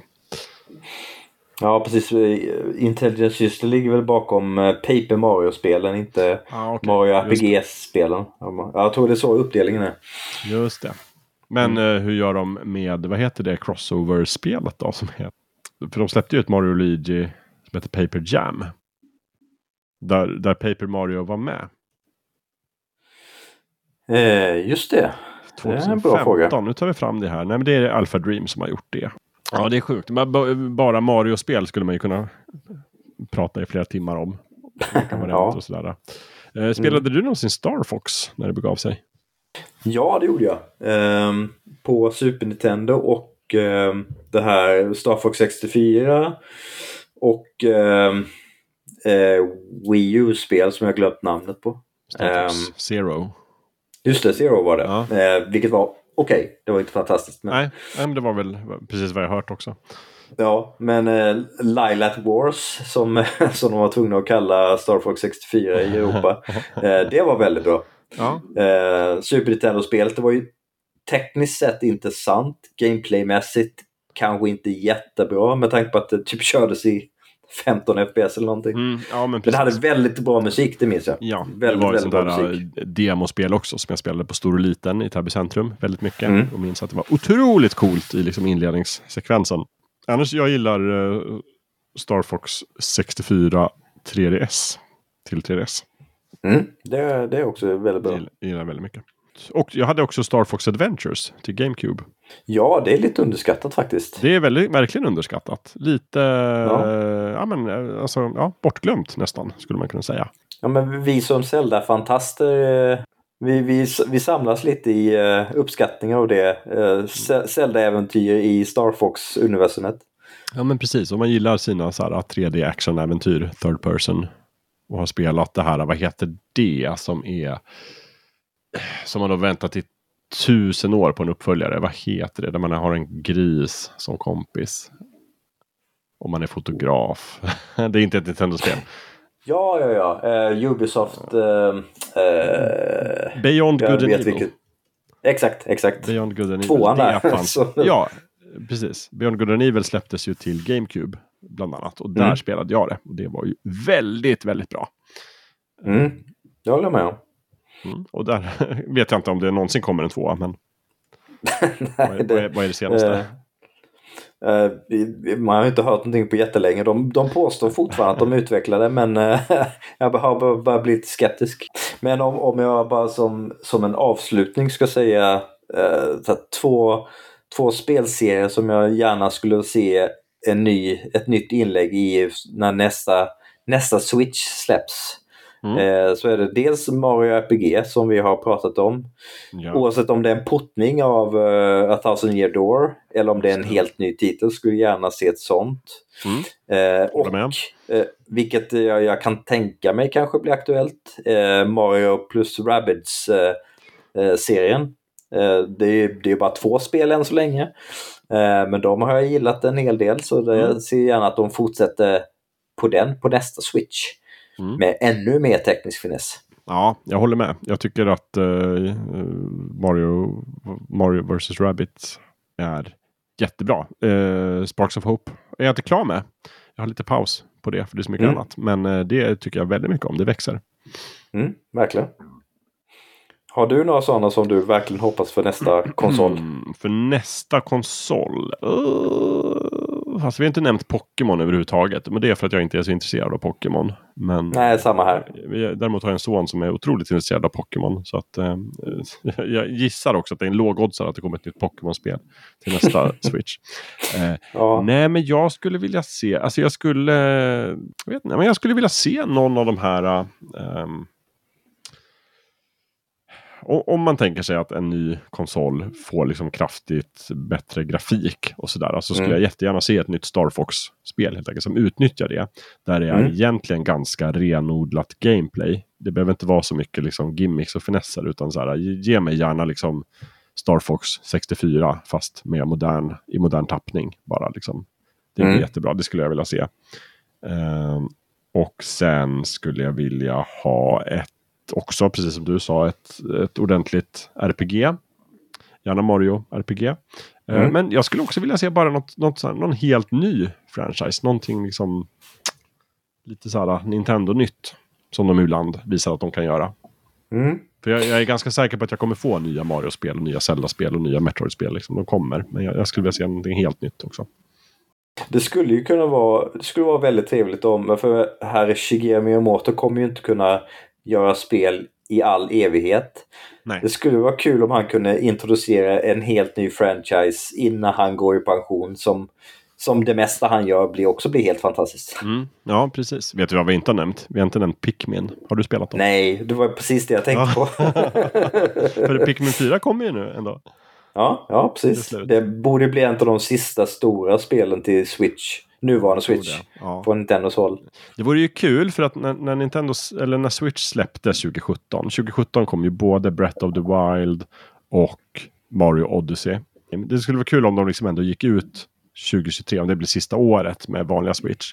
Om de då släpper Tears of the Kingdom, ett nytt Mario-spel och så liksom Pikmin 4. Det vore ingen dålig trifecta att gå i, gå i mål med. Nej, verkligen inte. Ja, om, om Nintendo presenterar det under sin sommarvisning, eh, att det kommer ett nytt Mario, då, då blir jag en väldigt glad pojke. Ja, jag också. Vilken mm. julklapp. Så här, Nintendo, oh, Nintendo Direkt, 30 juni. De bara, ja, här är liksom Q4 från Nintendo. Och så avslutar de med Super Mario Galaxy 3 eller någonting. Mm. Det vore väl inte. Jag kan, jag kan passa på att tipsa eh, för de som gillar eh, japanska rollspel av lite mer actionbetonad karaktär mm. men som har missat Astral Chain oh. eh, till Nintendo Switch. Eh, utvecklat av Platinum Games, de här eh, actionspelsvirtuoserna. Eh, du kan helhjärtat rekommendera det. Det är väldigt, väldigt bra. Snyggt. Då lägger vi upp det på länklistan också. Där kommer vi annars mm. mest länka till olika former av Nintendo-konsoler och Nintendo-spel. Men vi kommer också mm. länka till en del japanska rollspel. Ja, det tycker jag. Mm. Toppen. Och sen kan man väl eh, nästan förvänta sig att vi kommer återkomma med någon form av liksom, känsla efter lanseringen av Tears of the Kingdom. Mm. Det nya, det nya Zelda-spelet. Det eh, kommer dyka upp i våra ordinarie avsnitt i alla fall. Det kan man nog räkna med. Ja, jag, jag tror jag får sätta paus på mina Xenoblade Chronicles 3-planer för att invänta Tears of the Kingdom. Ja. ja, jag vet inte hur jag ska lägga upp det. Jag håller ju på med Midnight Suns nu fortfarande, Marvel Midnight Suns. Spelet som aldrig mm. tar slut. Uh, men jag räknar ändå med att jag ska hinna klart det nu den här veckan. Annars får jag väl pausa det också. För att fredag den 12 maj då blir det Tears of the Kingdom. Ja, för hela slanten. För hela slanten. På, liksom, det är då jag tror också jag kommer spela ganska mycket bärbart. För jag kommer spela liksom, små stunder här och där. Och liksom, du vet, mitt liv och så vidare. Men jag ska mm, försöka mm. maxa Zelda så mycket som möjligt. Oh ja, me too. Kul! Men då så, vad härligt det var att gå igenom eh, Nintendo med dig denna kväll. Ja, detsamma Jakob. Alltid ja. lika trevligt. Ja, och så hörs vi. Och tack till alla som har lyssnat också. Jätteroligt att ni är med oss även på de här lite mera smala ämne, äh, ämnesavsnitten. Och nästa mm. gång, tror jag, om eh, kalendern inte ljuger, så kommer vi att uh, vara allihopa i studion. Så då blir det nog lite mer löst och ledigt. Mm. Mm. Och eh, ni får gärna skriva in av era minnen och favoritspel eh, i Nintendos eh, katalog och vad ni gärna ser på nästa Nintendo-konsol. Ja, gör det. Kul jag vill ha, precis. Jag vill ha framtidsspaningar, jag vill ha eh, favoritspel och jag vill ha framförallt också kanske tidiga minnen. Hur kom ni in? Hur upptäckte ni Nintendo? Var var ni? Mm. Var, liksom, när, när insåg ni att Nintendo fanns? Det skulle jag tycka var jättespännande att höra folk berätta om. Vi får eh, alltid liksom en del mejl och trevliga skriverier när vi har avsnitt. Så att fortsätt med det, jag uppskattar det jättemycket. Mm, verkligen. Man går in på fulkulturpodden.se och så kan man klicka på kontakt så kan man skriva till oss. Det blir fint. Då hamnar det i min mailbox. Då läser jag upp det i programmet om man vill. Men då sa Lövet, då ska du ha tack och sen så ses vi nästa gång. Ja, och så får vi säga puss och kram som sig bör. Puss och kram. ha det bra. ha det bra. Come and enter the center of my Super Mario adventure. My girl's trapped on the other side of town, so I'm moving and leaps and bound. Folks around my way think strange, but there's a villain to blame. Even my ma, she thinks I'm crazy, but I got to rescue.